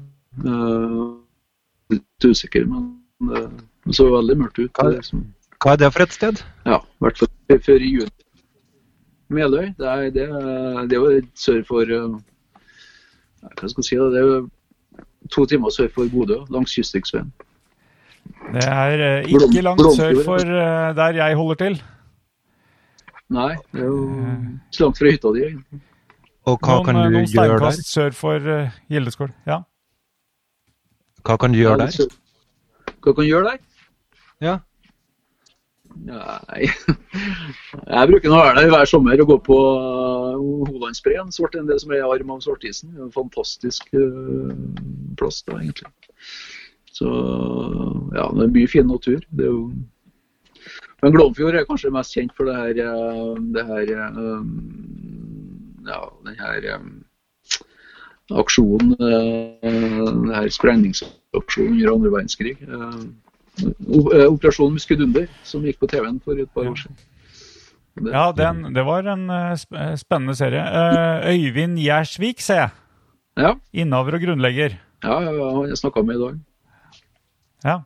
Så det, jeg treffer ham jo, han har jo, har jo turister på, på Breen. eh, Jeg kjører to grupper hver dag på Breen nesten hele sommeren. Så det Jeg har aldri vært og gått på en sånn der eh, isbre. Hva er greia med det? Er det noe jeg må skynde meg å gjøre før de smelter helt? eh, Fordi at det er veldig bra? Ja, som turist så er det jo veldig fastlåst der, da. Et, men vi drar jo på egen hånd. Og da er det jo litt mer muligheter til å bevege seg litt sånn. Det er på blåis, det er det på fast is. Så det går jo med isøks og stegjern i tau, da. Men det er mye fine Ja, du- Ja, Du klatrer oppover? Ja, ja, ja. beveger deg i landskapet, det er islandskapet. Du må tau, så kan du plutselig bli havnende nedi ei kløft med hodet først, og så er du der for godt. Ok. Jeg har hørt rykter om det, så at det er noen sprekker i de isbreene som gjør at du skal holde deg litt Holde deg samla. Ja, det er litt sånn. Men eh, Nei, det var midten av Helgeland. Så det, men i hvert fall så, så sliter de litt. De og alle andre reiselivsbedrifter egentlig, og har litt trua, lite trua på at de klarer å få det til å bli greit i sommer. Da. Så det, er litt sånn. Hmm. Men vi skal ha kurs sammen eh, med dem i september, da, det tenkte vi. Med ha sånn barnehage- og skolekurs til dem. Hvis vi bare drar loopen raskt tilbake til han eh, Nils Forlund, da. Ja. Eh, du sa at du drar på egen hånd. Han, jeg har forstått, han var ikke så veldig for at man drar på egen hånd. Han vil gjerne at eh, man skal bli guida ut i naturen. Ah, ja, nå, nå. Vi snakker jo mye, ikke guiding, det er jo et skjellsord i hans begrep. Altså, det skiller jo mellom okay. det med veiledning og guiding. En guiding, okay, Ja, guiding er jo en, en, kanskje du kan hjelpe meg? En guiding er jo egentlig bare en som går foran og viser, viser natur, og du er med bare som et slakt da, i gruppa. Mens, mens veiledning så er du en aktiv deltaker sjøl, og så får du liksom råd og tips av, av den som er veileder. Da. Så det er liksom to forskjellige retninger innenfor uh, i forhold til det med å være friluftslivsveileder, da, eh, friluftslivslærer. egentlig. Ja, men det var litt oppklarende for meg, for jeg, det stussa jeg litt på, på der. Men eh, da var jo ikke jeg så inne i bakgrunnsinformasjon, så jeg forsto det feil. Ja. OK, da eh, stryker jeg den fra panna. Ja, ja, ja. Guiding og veiledning, jeg har lært noe nytt, jeg, da. Det er to forskjellige ting. Ja, guiding da er det bare med, rett og slett. da. Du betaler, så er du med, og så øh, er det som guiden som styrer hele greia. Mens kan du betale en veileder òg? Ja, det kan gjøre, men altså, da, er du, da er du på en måte det er du som driver turen sjøl. Altså, Finn fram, og, og så får du råd og, og, og tips og veiledning fra den, den som er på en måte en mentor. da. Det er liksom, Ja, så det er mer som en venn, da, da. En god venn som kan tipse og råde. og Kan Ja, bære det- ved òg. Hæ? Bare, hvordan Kan hente- bære ved og hente ved, og sånn, eller faller det Ja, ja, ja. under veilederens uh, verdighet? Veilederen han tar jo altså dess, eh, dess mer F.eks. været. da. Hvis, hvis været blir stygt og sånn, plutselig blåser opp til storm, så, så må jo veilederen ta i større grad ansvar for å få gruppa ned. da. Men så lenge at uh, Det handler litt om erfaringsgrunnlaget til gruppa. Sant? Men hvis det, hvis, det, hvis det er fint vær og det, gruppa klarer seg sjøl, så trekker jo veilederen seg tilbake. og og gir eh, deltakerne og elevene lov til å styre turen på egen hånd. Så Det er, liksom, det er situasjonsbestemt læring som heter. Har du gjort begge deler, på en måte? Ja, ja, Har du vært både veileder? Jeg har aldri vært Jeg har jo prøvd å holde på litt med guiding, men det ga meg fort opp. Men det er jo det gjennom at jeg jobba med å undervise friluftslivsstudenter og kroppsøvingsstudenter, så, så har jeg jo praktisert det her veiledningspedagogikken. Det har liksom vært Akkurat. en drivkraft. Hvordan kan du sammenligne det med speideren, Pål? Du er jo en aktiv speider fortsatt. Godt over 40, men Ja. Jeg måtte jo ta av meg speidercapsen her i stad, for jeg, jeg satt jo med Ja. Jeg satt med den, men eh, det, ble, det var så varmt her, så jeg måtte hive både jakka og, og capsen. Nei, eh, hvordan vi Jeg tenker at speideren er en av de få aktivitetene som er igjen i eh, Av organisert aktivitet der eh, voksne prøver å trekke seg unna. Altså, vi eh, er tilretteleggere, men at unga i mye større grad skal være uh, sjøldrevne. Eh, målet til speiderlederne er jo egentlig å, å gjøre seg sjøl overf overflødige. Um, ved, ved å gi, gi utfordringer på, i, en, i en passe dose. Uh, unga, ungdommen kjenner på mestring. Og, og egentlig ønsker også at vi, at vi forsvinner, fordi at de kjenner, kjenner at det her mestrer de sjøl. Ja, Så- det er jo Nils Forlunds pedagogikk. Det, det, er jo, så det er ligner jo alle på det. Så det. Men kan jeg si dem, Og- og- jeg bruker jo I siste, siste her så har, jeg, så har jeg søkt mye på Scout eller på speider på, på internett, for de gjør jo så mye artige ting. sant? Lager mye Det ser jeg på bildene. Ja, ja, så, det, så jeg henter mye inspirasjon der, egentlig. Det, er fra hele verden, egentlig, på å se på hva de holder på med. Mm. Så jeg så de hadde laga en karusell der, og den måtte jeg jo bygge oppom huset her en dag for å se om den funka. Det gjorde den jo. Vi har jo, eh, det er jo Klæbu speidergruppe jeg er med i, og, og den hadde i, i mange år en tradisjon med å bygge en ganske svær karusell på det som heter uh, Friluftsdagen på Teigen. Eh, Øystein nikker, ser jeg, så han har vært og Jeg vet ikke om du har prøvd den, men, eh, men det er en gan, ganske voldsom konstruksjon uh, som Ja, artig. Ja, det er jo litt sånn, det er jo litt sånne ting jeg holder på med, å prøve det. og av. men det- Hvis du ser speiderne fra altså- Filippinene Sorry, Pål. Eh, Jeg tror vi har en sånn ca. ett sekunds mellomrom eh, fra lyden du snakker til den kommer til meg, men jeg skulle bare si det at når jeg søker på internett, så ser jeg filippinerne, eh, filippinerne, speiderne der. De er helt ville på det med pionering. Altså Ja. det med å bette sammen stokker og lage byggverk. På. Det var det. Pål, nå trekker jeg meg bakover, ser du, i bildet. Ja, nei, det jeg skulle si var at eh, vi ser jo at en del av ungene som kommer på speideren, og før de eh, forstår hva det er vi, vi vil, eh, så er de De er jo ikke vant til at vi voksne trekker oss unna. De, de er veldig på at eh, OK, få en ny oppgave, få en ny oppgave. Vi er ferdig med oppgaven, få en ny oppgave. Eh, og, og dette her eh, um, Speideren er jo bygd rundt eh, et patruljesystem der det er gjerne noen noen eldre Det er ofte de eldste speiderne med, med litt le- lederegenskaper som får, får utfordringa til å lede patruljen.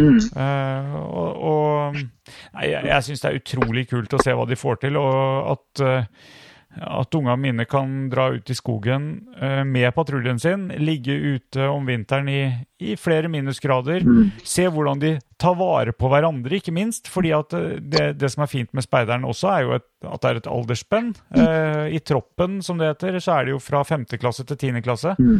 Og det at, eh, at de eldste som har en del erfaringer, passer på å få de eh, Altså, når man har vært ute hele dagen, er kald øh, og trøtt, så blir livet ganske øh, Det kan bli ganske trist, og det kan være hjemlengsel og alt sånt. Det viktigste da, som de vet, få dem i posen, få litt mat, eh, hygge rundt bål. Um, ja, jeg, jeg er kjempeimponert over hva de får til. Ja, ja. Nei, så det, men sånn er det jo med voksne sånn, som kommer på lærerskolen og som har hatt oss, sånn som ikke som hele tida er vant til å ta imot, uh, ta imot beskjeder. Både i frivillig idrett, aktivitet og i skolen og sånt. Så, og hele tida fått beskjed om hva de skal gjøre i detalj. Og så plutselig så må de begynne å, å finne ut av ting sjøl. Eh, det er en viktig del av, eh, av friluftslivsopplæringa. Det, det uteaktivitet. Men, men også i kroppsøvingsfaget, som vi snakka om i stad.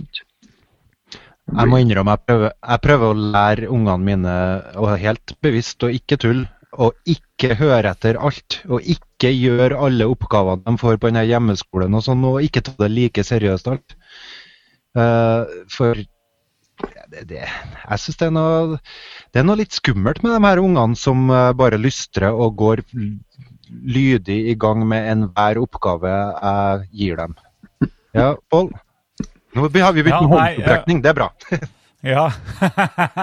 jo, men, men jeg liker veldig godt det du sier, Øystein. Altså, jo, eh, de kan godt ta det Ta det seriøst Nå skulle du sett Øystein sitt ansiktsuttrykk. Ja, men jeg er helt enig. Men, eh, eller nesten enig, da.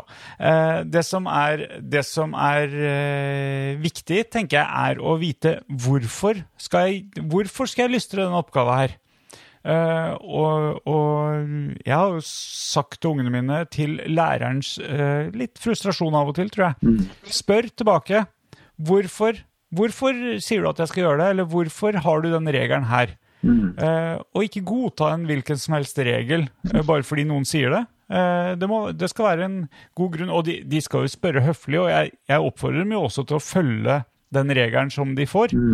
Men eh, det å ikke det å ikke vite hvorfor noen lager en regel for deg eh, det, altså, det, Vi har, vi har snakka tidligere i en eh, episode her om at jeg ønsker eh, å være anarkist. Jeg syns det er en fin ting å ikke følge regler.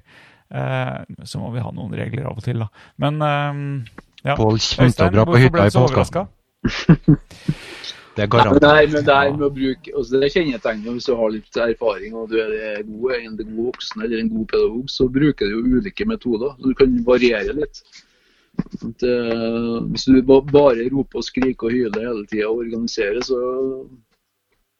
så går jo elevene eller ungene fort lei. da. Så du, du kan liksom tilpasse metodikken etter eh, situasjonen ditt.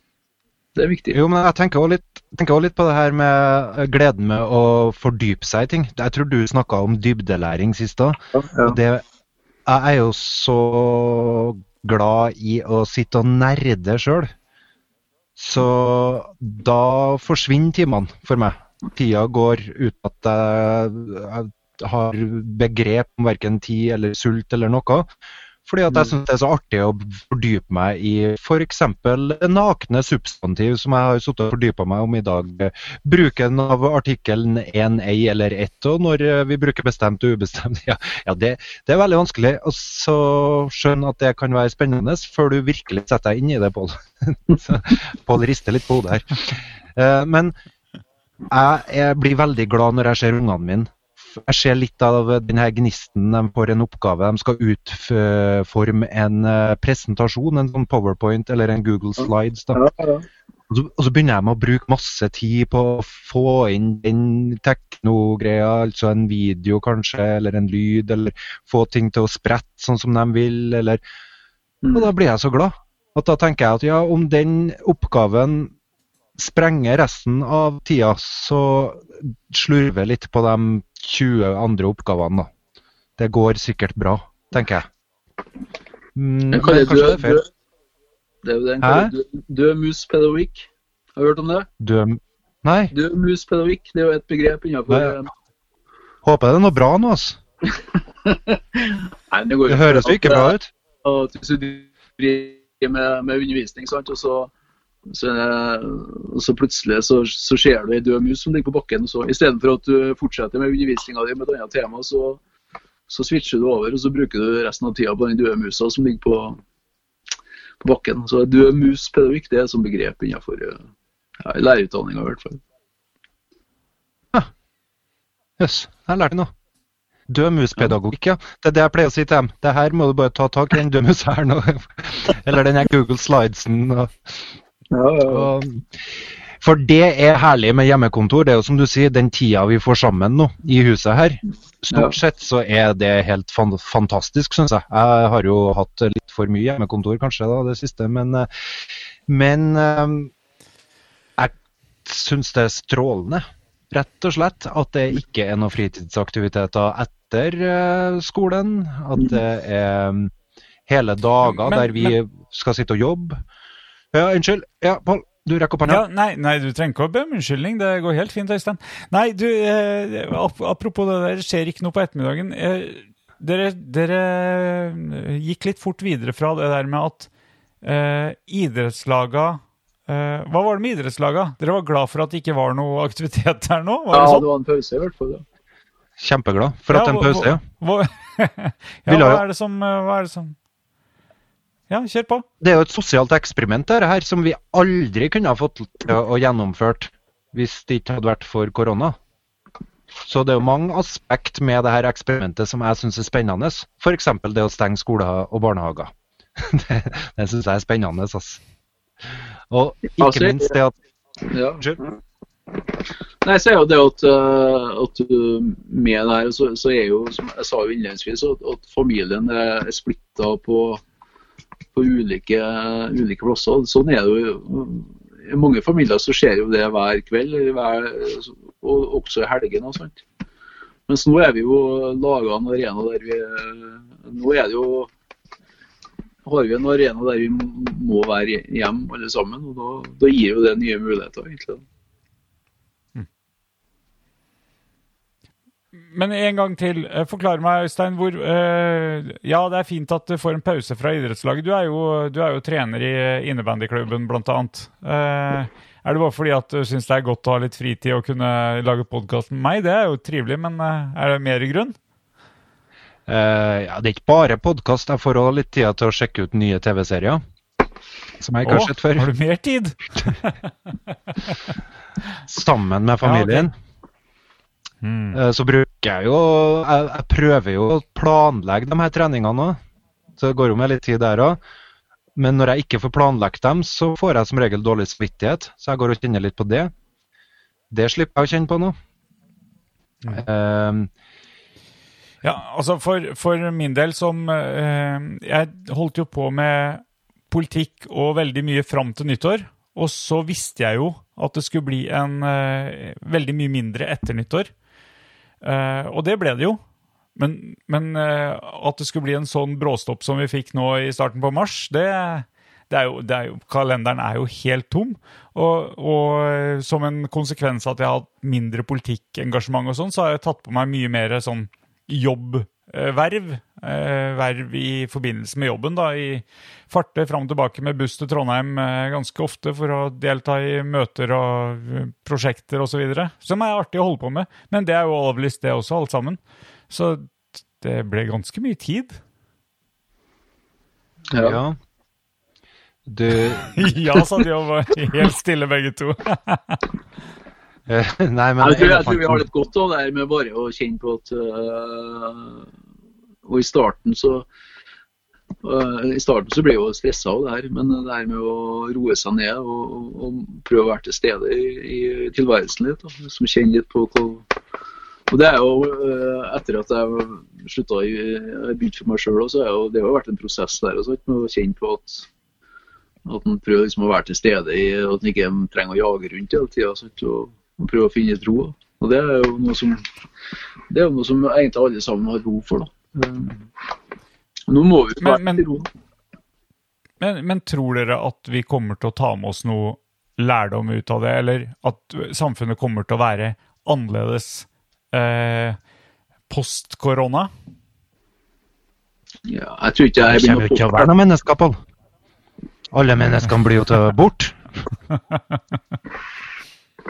Nei, men jeg, jeg, tror, jeg tror at det her blir mer en sånn, ikke akkurat sånn, men en mer normaltilstand. Sånn, med alle de her miljøutfordringene. og uh, For det her, altså, det her er jo et resultat bare av at uh, altså det, det, det lærte jeg jo på biologistudiet en gang i tida. at uh, Epidemier og pandemier er jo et resultat av at naturen er i ubalanse. Sant? Og, og da da startes det her ja, av, av natur, da startes det her epidemiene for å rydde opp litt. Ja, Ja, noen vil jo hevde at, eh, ja, noen vil jo hevde at det er et resultat av at noen spiser flaggermus, da. Å ja.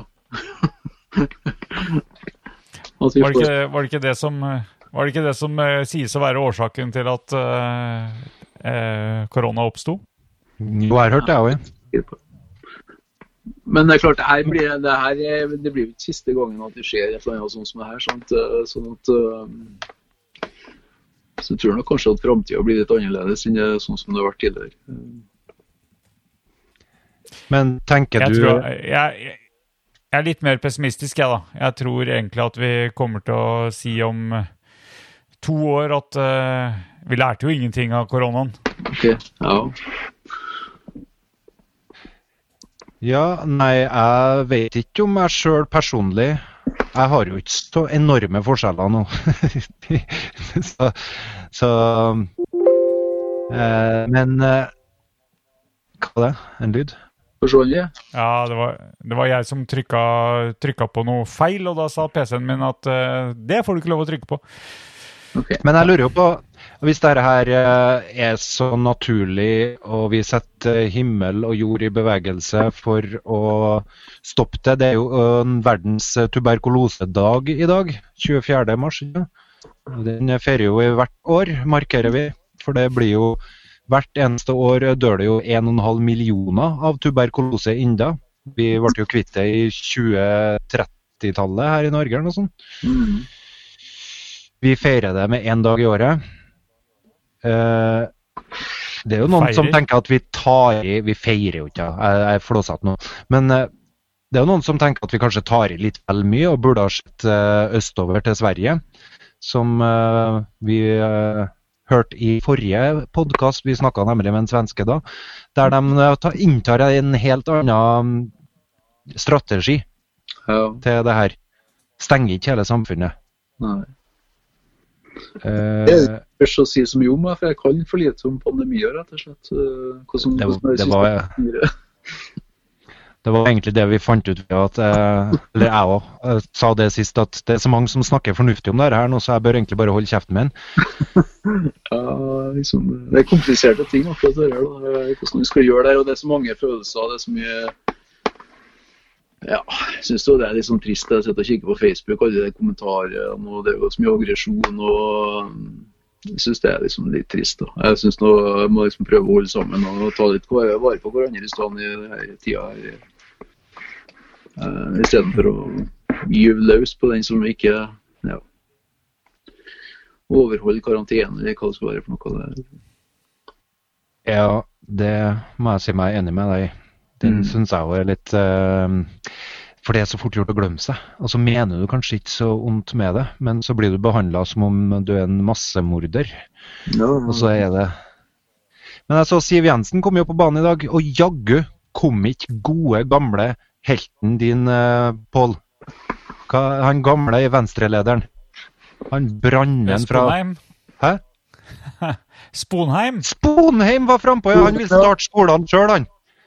Han starter opp hele skitten sjøl. Han stemmer for han styrer Vestland nå. Han har blitt konge i Vestland. Ja, men ble det vedtatt? Ja. Nei. Nei, det, Nei, det er jo- det nasjonale som gjelder. Så, det, mm, så han, eh, han kom jo ikke noe vei med det. Men det er jo, det er jo mange som mener altså, Som Øystein sier, det er utrolig mye følelser og meninger rundt det. Og, og noen, eh, noen tenker at vi skal ta mest hensyn til økonomien. Noen tenker at eh, ja, det her er bare sånt som skjer, så, så vi må Mm. bare fortsette med business as usual, og så får vi, får vi se hva som, eh, hva som skjer. Vi, menneskelivet er har man satt en pris på, og nå bruker vi mer penger enn det et menneskeliv er verdt, så da, da må vi stramme inn på tiltakene. Det er jo klart at det, det, det er jo ganske spennende å se hva som skjer. eh, og, og vi sitter jo et privilegert hjørne av verden og kan eh, med, med orkesterplass til til eh, det som skjer ellers. Jeg tenker jo på altså Jeg så, jeg så i, på CNN her eh, nå i ettermiddag at, at India har vedtatt lockdown i tre uker. India med de mengdene med folk, og hvor eh, relativt mange bor eh, og lever i en, en helt annen virkelighet enn det vi gjør. Hvordan, hvordan skal det gå med, med lockdown der? Jeg, jeg, jeg kan ikke se det for meg engang. Ja. Eller flyktningleirene på Hellas. Ja, ja, vi kan jo, vi kan jo gå dit. Eh, altså flyktningleirer hvor, hvor det ja, er svært sparsommelig med helsehjelp i dag. Eh, jeg tror vi kommer til å få noen grufulle scener på, på Dagsrevyen eh, fremover Mm. av eh, mangel på helsehjelp. Ja. Det, det er jo som er kanskje i, i, i den rike delen av verden så er vi jo kanskje enda mer avhengig av at, at det skjer et forbruk, at det er en etterspørsel. Sånn at så stopper jo hele systemet opp. Og det, så det må nå egentlig komme i gang på et eller annet vis igjen. og Etter hvert til så blir det jo trasig. da. Ja, men du er jo egentlig Du, du snakker jo stadig vekk om, eh, om å senke forbruket, Tor Egil. Og jeg, jeg er egentlig veldig fascinert av, av det. Jeg syns Men Jeg synes eh, da jo, det- det er jo kanskje det, går ned i materiell levestandard. da. Så det er jo at det er en felles enighet om det, så, så, så går det an å gjøre det. da. Eh, Men så lenge at alle sammen skal ha alt som de skal ha, eh, så går ikke det her eh, Så er jo det umulig, egentlig. Men klart, hvis en, hvis en aksepterer at en går ned i materiell levestandard, så at en ikke kan reise jorda rundt hele tida, at en klarer seg kanskje bare med en bil, eller at vi, at vi reiser Norge, at du har et enkelt hus, at vi ikke skifter ut sofaen hvert tredje år, eller sånt, så, så går det an å Ja. klare seg med mindre penger. Ja, jeg hadde tenkt å, det var det jeg hadde tenkt å spørre deg om. Hva, hva innebærer det å, å senke eh, levestandarden? Eh, eller er, Det er vel egentlig ikke Senker vi le, levestandarden? Nei, vi senker forbruket. Er, Det er jo levestandarden, men ikke, ikke livskvaliteten. Det er to forskjellige begrep. Og livskvaliteten så er jo, Ja. den er jo på en måte den, Etter min mening så blir jo den bedre med mindre forbruk. Da, men, mens levestandarden på den måten at du, at du, at du har du, du har færre gjenstander, at du kjøper flere materielle goder, den, det blir jo mindre, egentlig.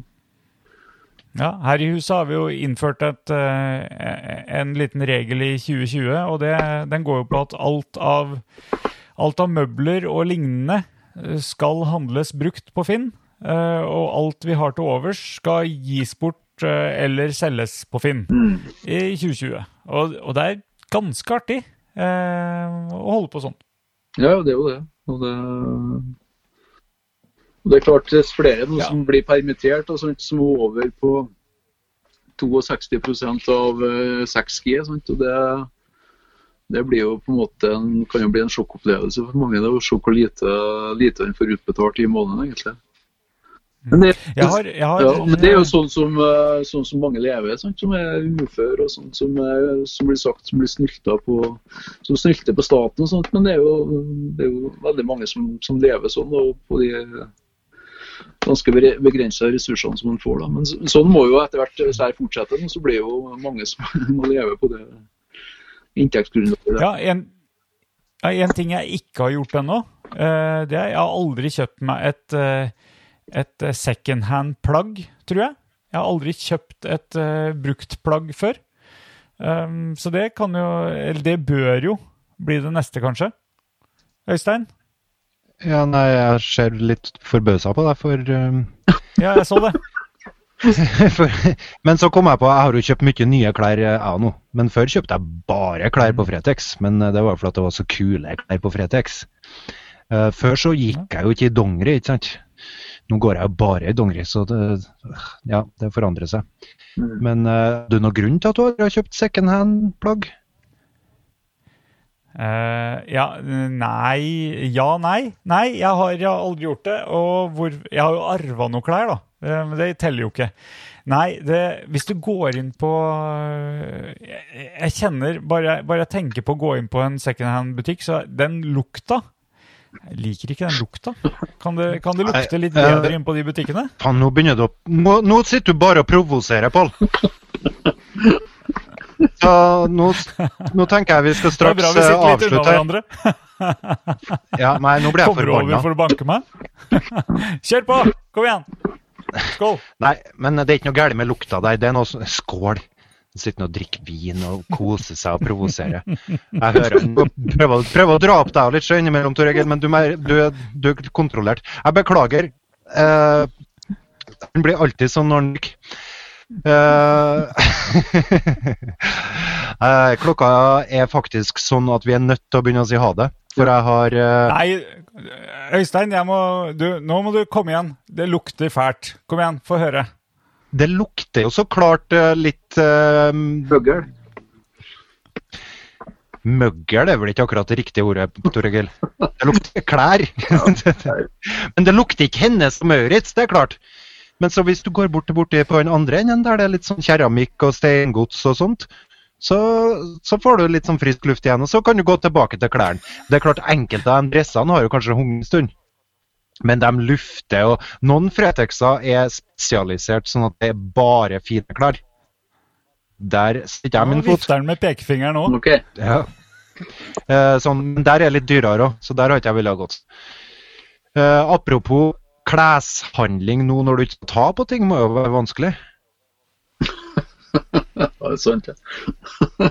Så det er like greit å stenge det. Eh, vi har snakka litt for mye positivt om eh, korona de to-tre siste periodene, så jeg vil bare ha med det at alle som mister jobben sin og går sånn som deg, Tor Egil, du er jo en sånn her som de snakker om.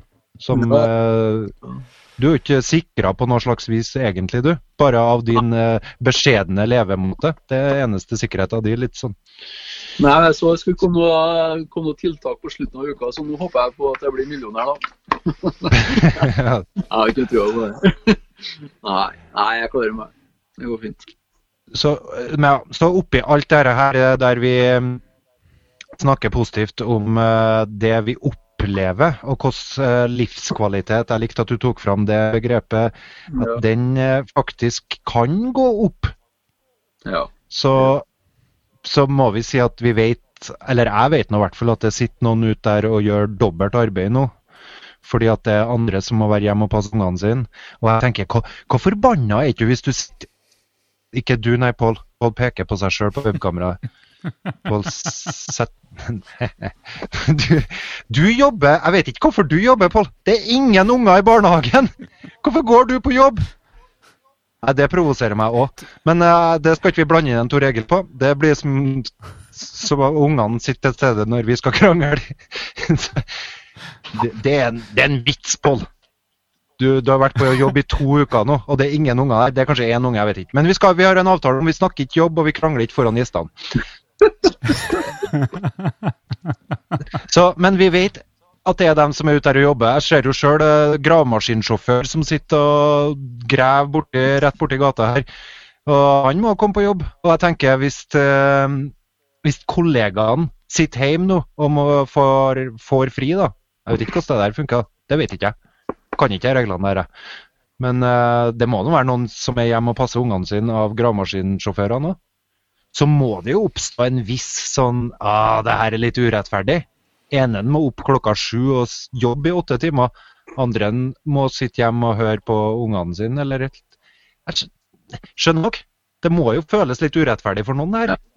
Det, det, og det, altså, alt det der blir jo ikke riktig for alle sammen, sant? Men, eh, men jeg tror det er litt viktig at en prøver å se litt, er litt raus og, og prøve å komme, oss, komme seg gjennom det her sammen, uten at en eh, skal liksom gå løs på hverandre. Det syns jeg er en viktig det, Jeg syns det er viktig.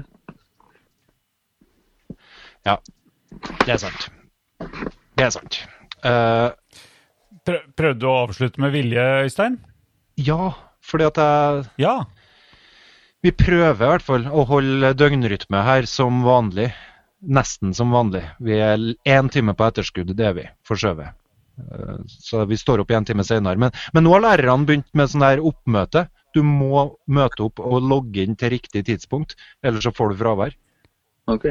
Fire ganger om dagen må, er det opprop eh, i en av klassene til unga. Rebellen i meg ble så sint.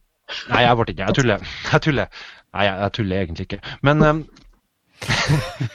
det tok jo bort hele den der eh, greia med at de kunne distribuere tida si sjøl og, og arrangere det. Men ja, ja. Helt greit. Helt greit. En, en ting på Hvor, Tor- Hæ? hvor, mange foreldre, hvor mange foreldre tror du det er som eh, logger på og si, skriver navnet 'hei' for barna sine? Det tror jeg Er du en av de, Øystein? Nei, det har jeg aldri gjort. Så lenge jeg har jeg aldri ungene mine er så voksne, så jeg har sånn så lite så, så lenge jeg har holdt på med det, Jeg vet ikke. Ja. Men, én en ting lurer jeg på, Torgeir. Eh, når du får et fag som tross alt er et fag eh, i videregående og ungdomsskole, der de gir karakterer og sier at vurdering er en viktig del av eh, det med å lære et fag. Og ikke minst for de her elevene så er jo hver en karakter etter hvert viktig i forhold til hva de skal gjøre videre Mm. poeng, studiepoeng og sånne ting. Eh, så karakter er ja, det er noe viktig. Har, ja, det gjør vondt å si det, men det er noe faktisk viktig for veldig mange, i hvert fall.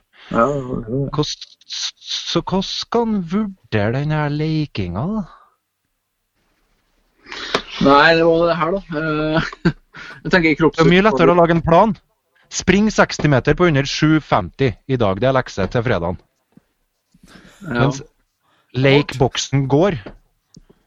Nei, det er jo sånn at, eh, at eh, med den nye læreplanen så er jo altså Du snakker om eh, det er som en tredeling. Enten så har du ferdigheter i kroppsøving, eller så har du kunnskaper hvis du kobler inn teori. Eller så, har du, så viser du innsats. Og Det som er det sagt nå, er at innsatsen skal få en større betydning for karakteren.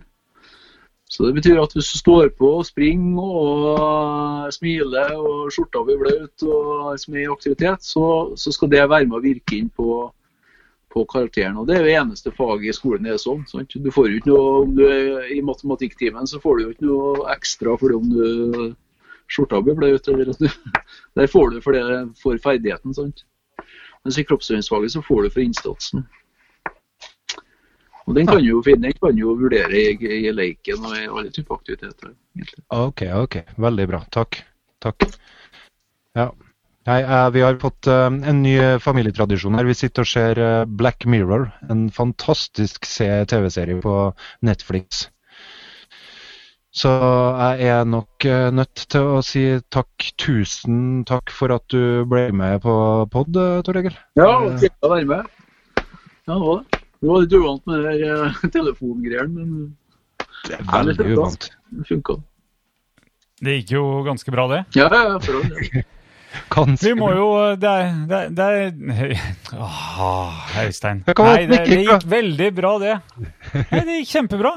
Det gikk veldig bra. Ja. Ja. Vi knota litt i starten, og så gikk det kjempebra. Ja, det er Nei, det, litt, nå, nå ruller du meg ut i en eller annen sånn herre det var, det var, jeg, jeg hadde et, eh, jeg hadde et uhell på jobben hvor jeg eh, sa til noen at det var ganske bra. Eh, eller jeg sa noen at noe var veldig bra, og så sa jeg til noen andre at det var ganske bra, men med et glimt i øyet, og liksom dro på det sånn at det skulle være likt. Men så har det blitt en st- stående vits etterpå, da, at eh, om, om det er likeverdig ganske bra og veldig bra. Og det Ja. Jeg, Jeg er ute på det Jeg tror det er greit at du er på jobb og ikke hjemme og gir tilbakemeldinger til ungene dine på skolearbeidet. Takk. Der må jeg si at jeg har noen svinn på skogen sjøl, da. Eh, fordi at jeg er så nerdete sjøl og sitter i min egen verden, så det kom, det kom ei og spurte meg om hjelp med matteoppgave i går. Og sa jeg får ikke til det her, pappa, jeg får ikke til det her. Jeg brukte ti minutter på det. Og så tok jeg et kjapt blikk på oppgaven, syntes den var ganske enkel, og sa har du virkelig brukt ti minutter på det her, din idiot? Uh, og følte med meg sjøl at at jeg kanskje ikke Jeg kunne ha gjort det mer. Ok, du blir ikke leid inn som vikar. Hæ? Du blir ikke leid inn som vikar. Ja. Nei, men det der er hjem. Du, er ikke, du kan Nei. ikke være pedagog på hjemmebane, har jeg hørt dem si. Nei, er. Nei, nei, nei, ok. Så det. Vi skulle avslutte. Pål, ta avslutninga, du. Uh, vi skulle avslutte. Uh, og uh, ja, avslutninga. Nei, eh, vi, jeg, det jeg driver med for tida, er å ønske folk en fin dag og god helse. Det syns jeg er sånn passende. Eh, det er ikke noe artig, Øystein, men det er jo det er en fin ting å si, kanskje. Så det driver jeg og sier til folk. Jeg ønsker alle fin dag, god helse. Det ønsker vi Hold av. Du, Tor Egil, Tor Egil, supert at du hang, hang på. I like måte. Takk for Snakkes og ses på Facebook. Da avslutter du, da. Ja, nei, jeg, jeg har ikke kua noe outro eller noe, men eh, vi fikk jo egentlig sagt så mye med gjesten. Vi hadde en plan her om at vi skulle lage en liten intro med meg og deg, og så en liten outro med meg og deg, og så skulle det være bra lyd. Og så var vi Ja. litt redd for den her Messenger-lyden, og så skulle det egentlig være en kort eh, Messenger-samtale, men faen, det er lett å snakke med en eh, Tor Egil, altså. Supert å snakke med Tor Egil.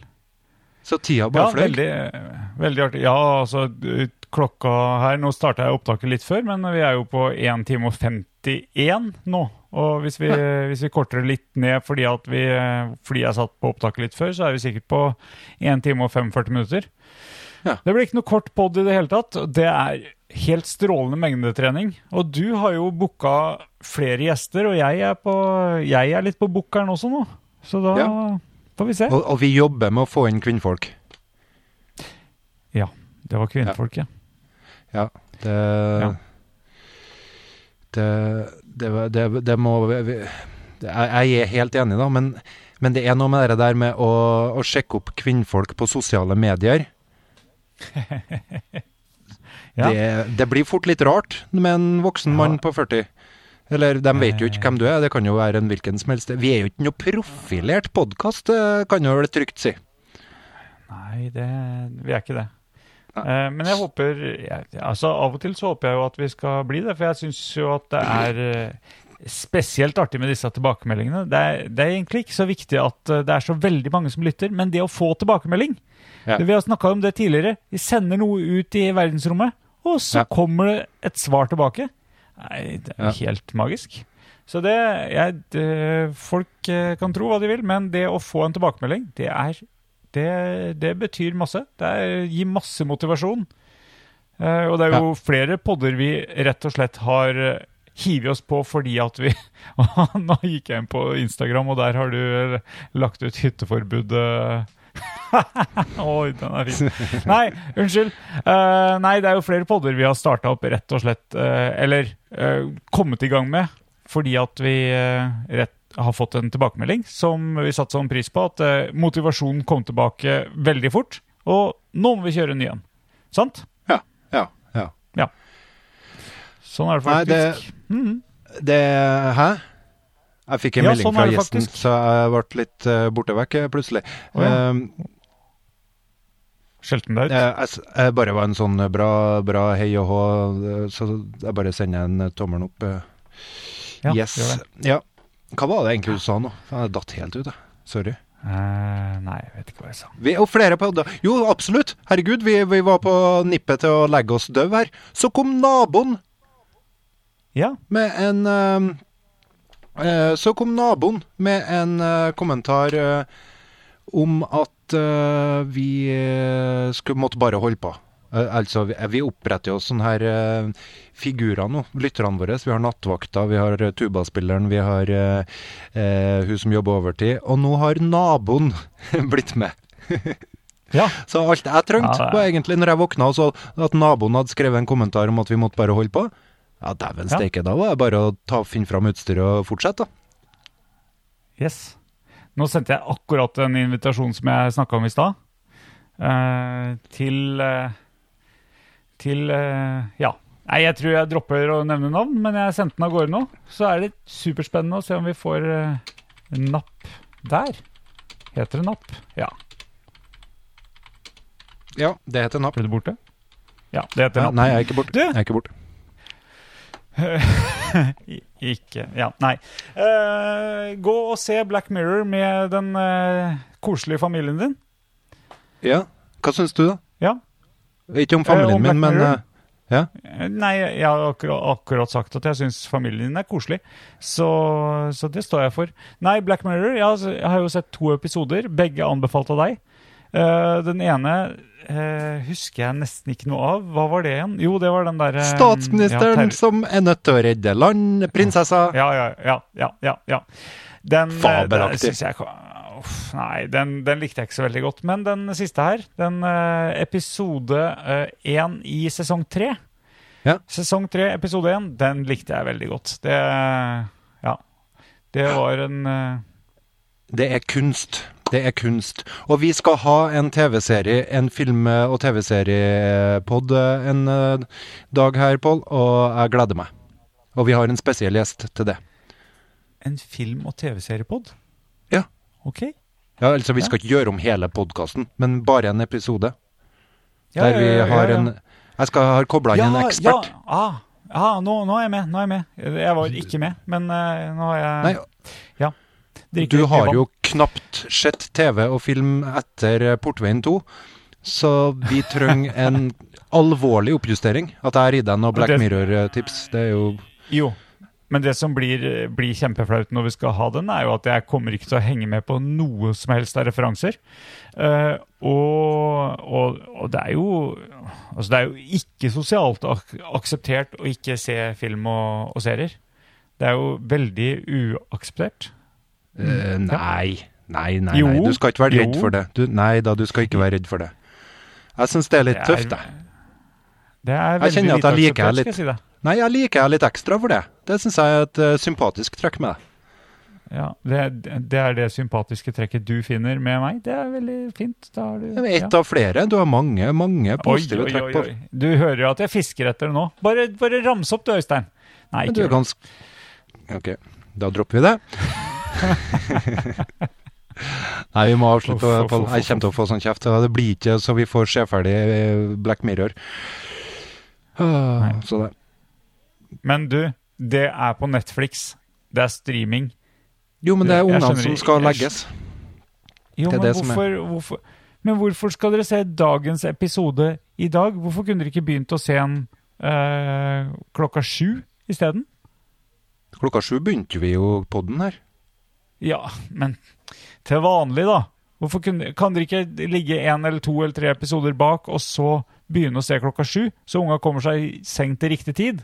Ja, men Si meg, eh, tror du nå at det er at Netflix sender? Tror du at de sender sånn som NRK i gamle dager, og at det begynner klokka ni nå? At jeg, når jeg kommer opp nå, så har den begynt klokka ni, og så kommer jeg 20 minutter for sent? Tror du at det er sånn det fungerer på? ja. Du har Du skal være så glad jeg er kobla inn en ekspert for å hjelpe deg. Ha det, Øystein! Ha det bra, vi snakkes. Outro.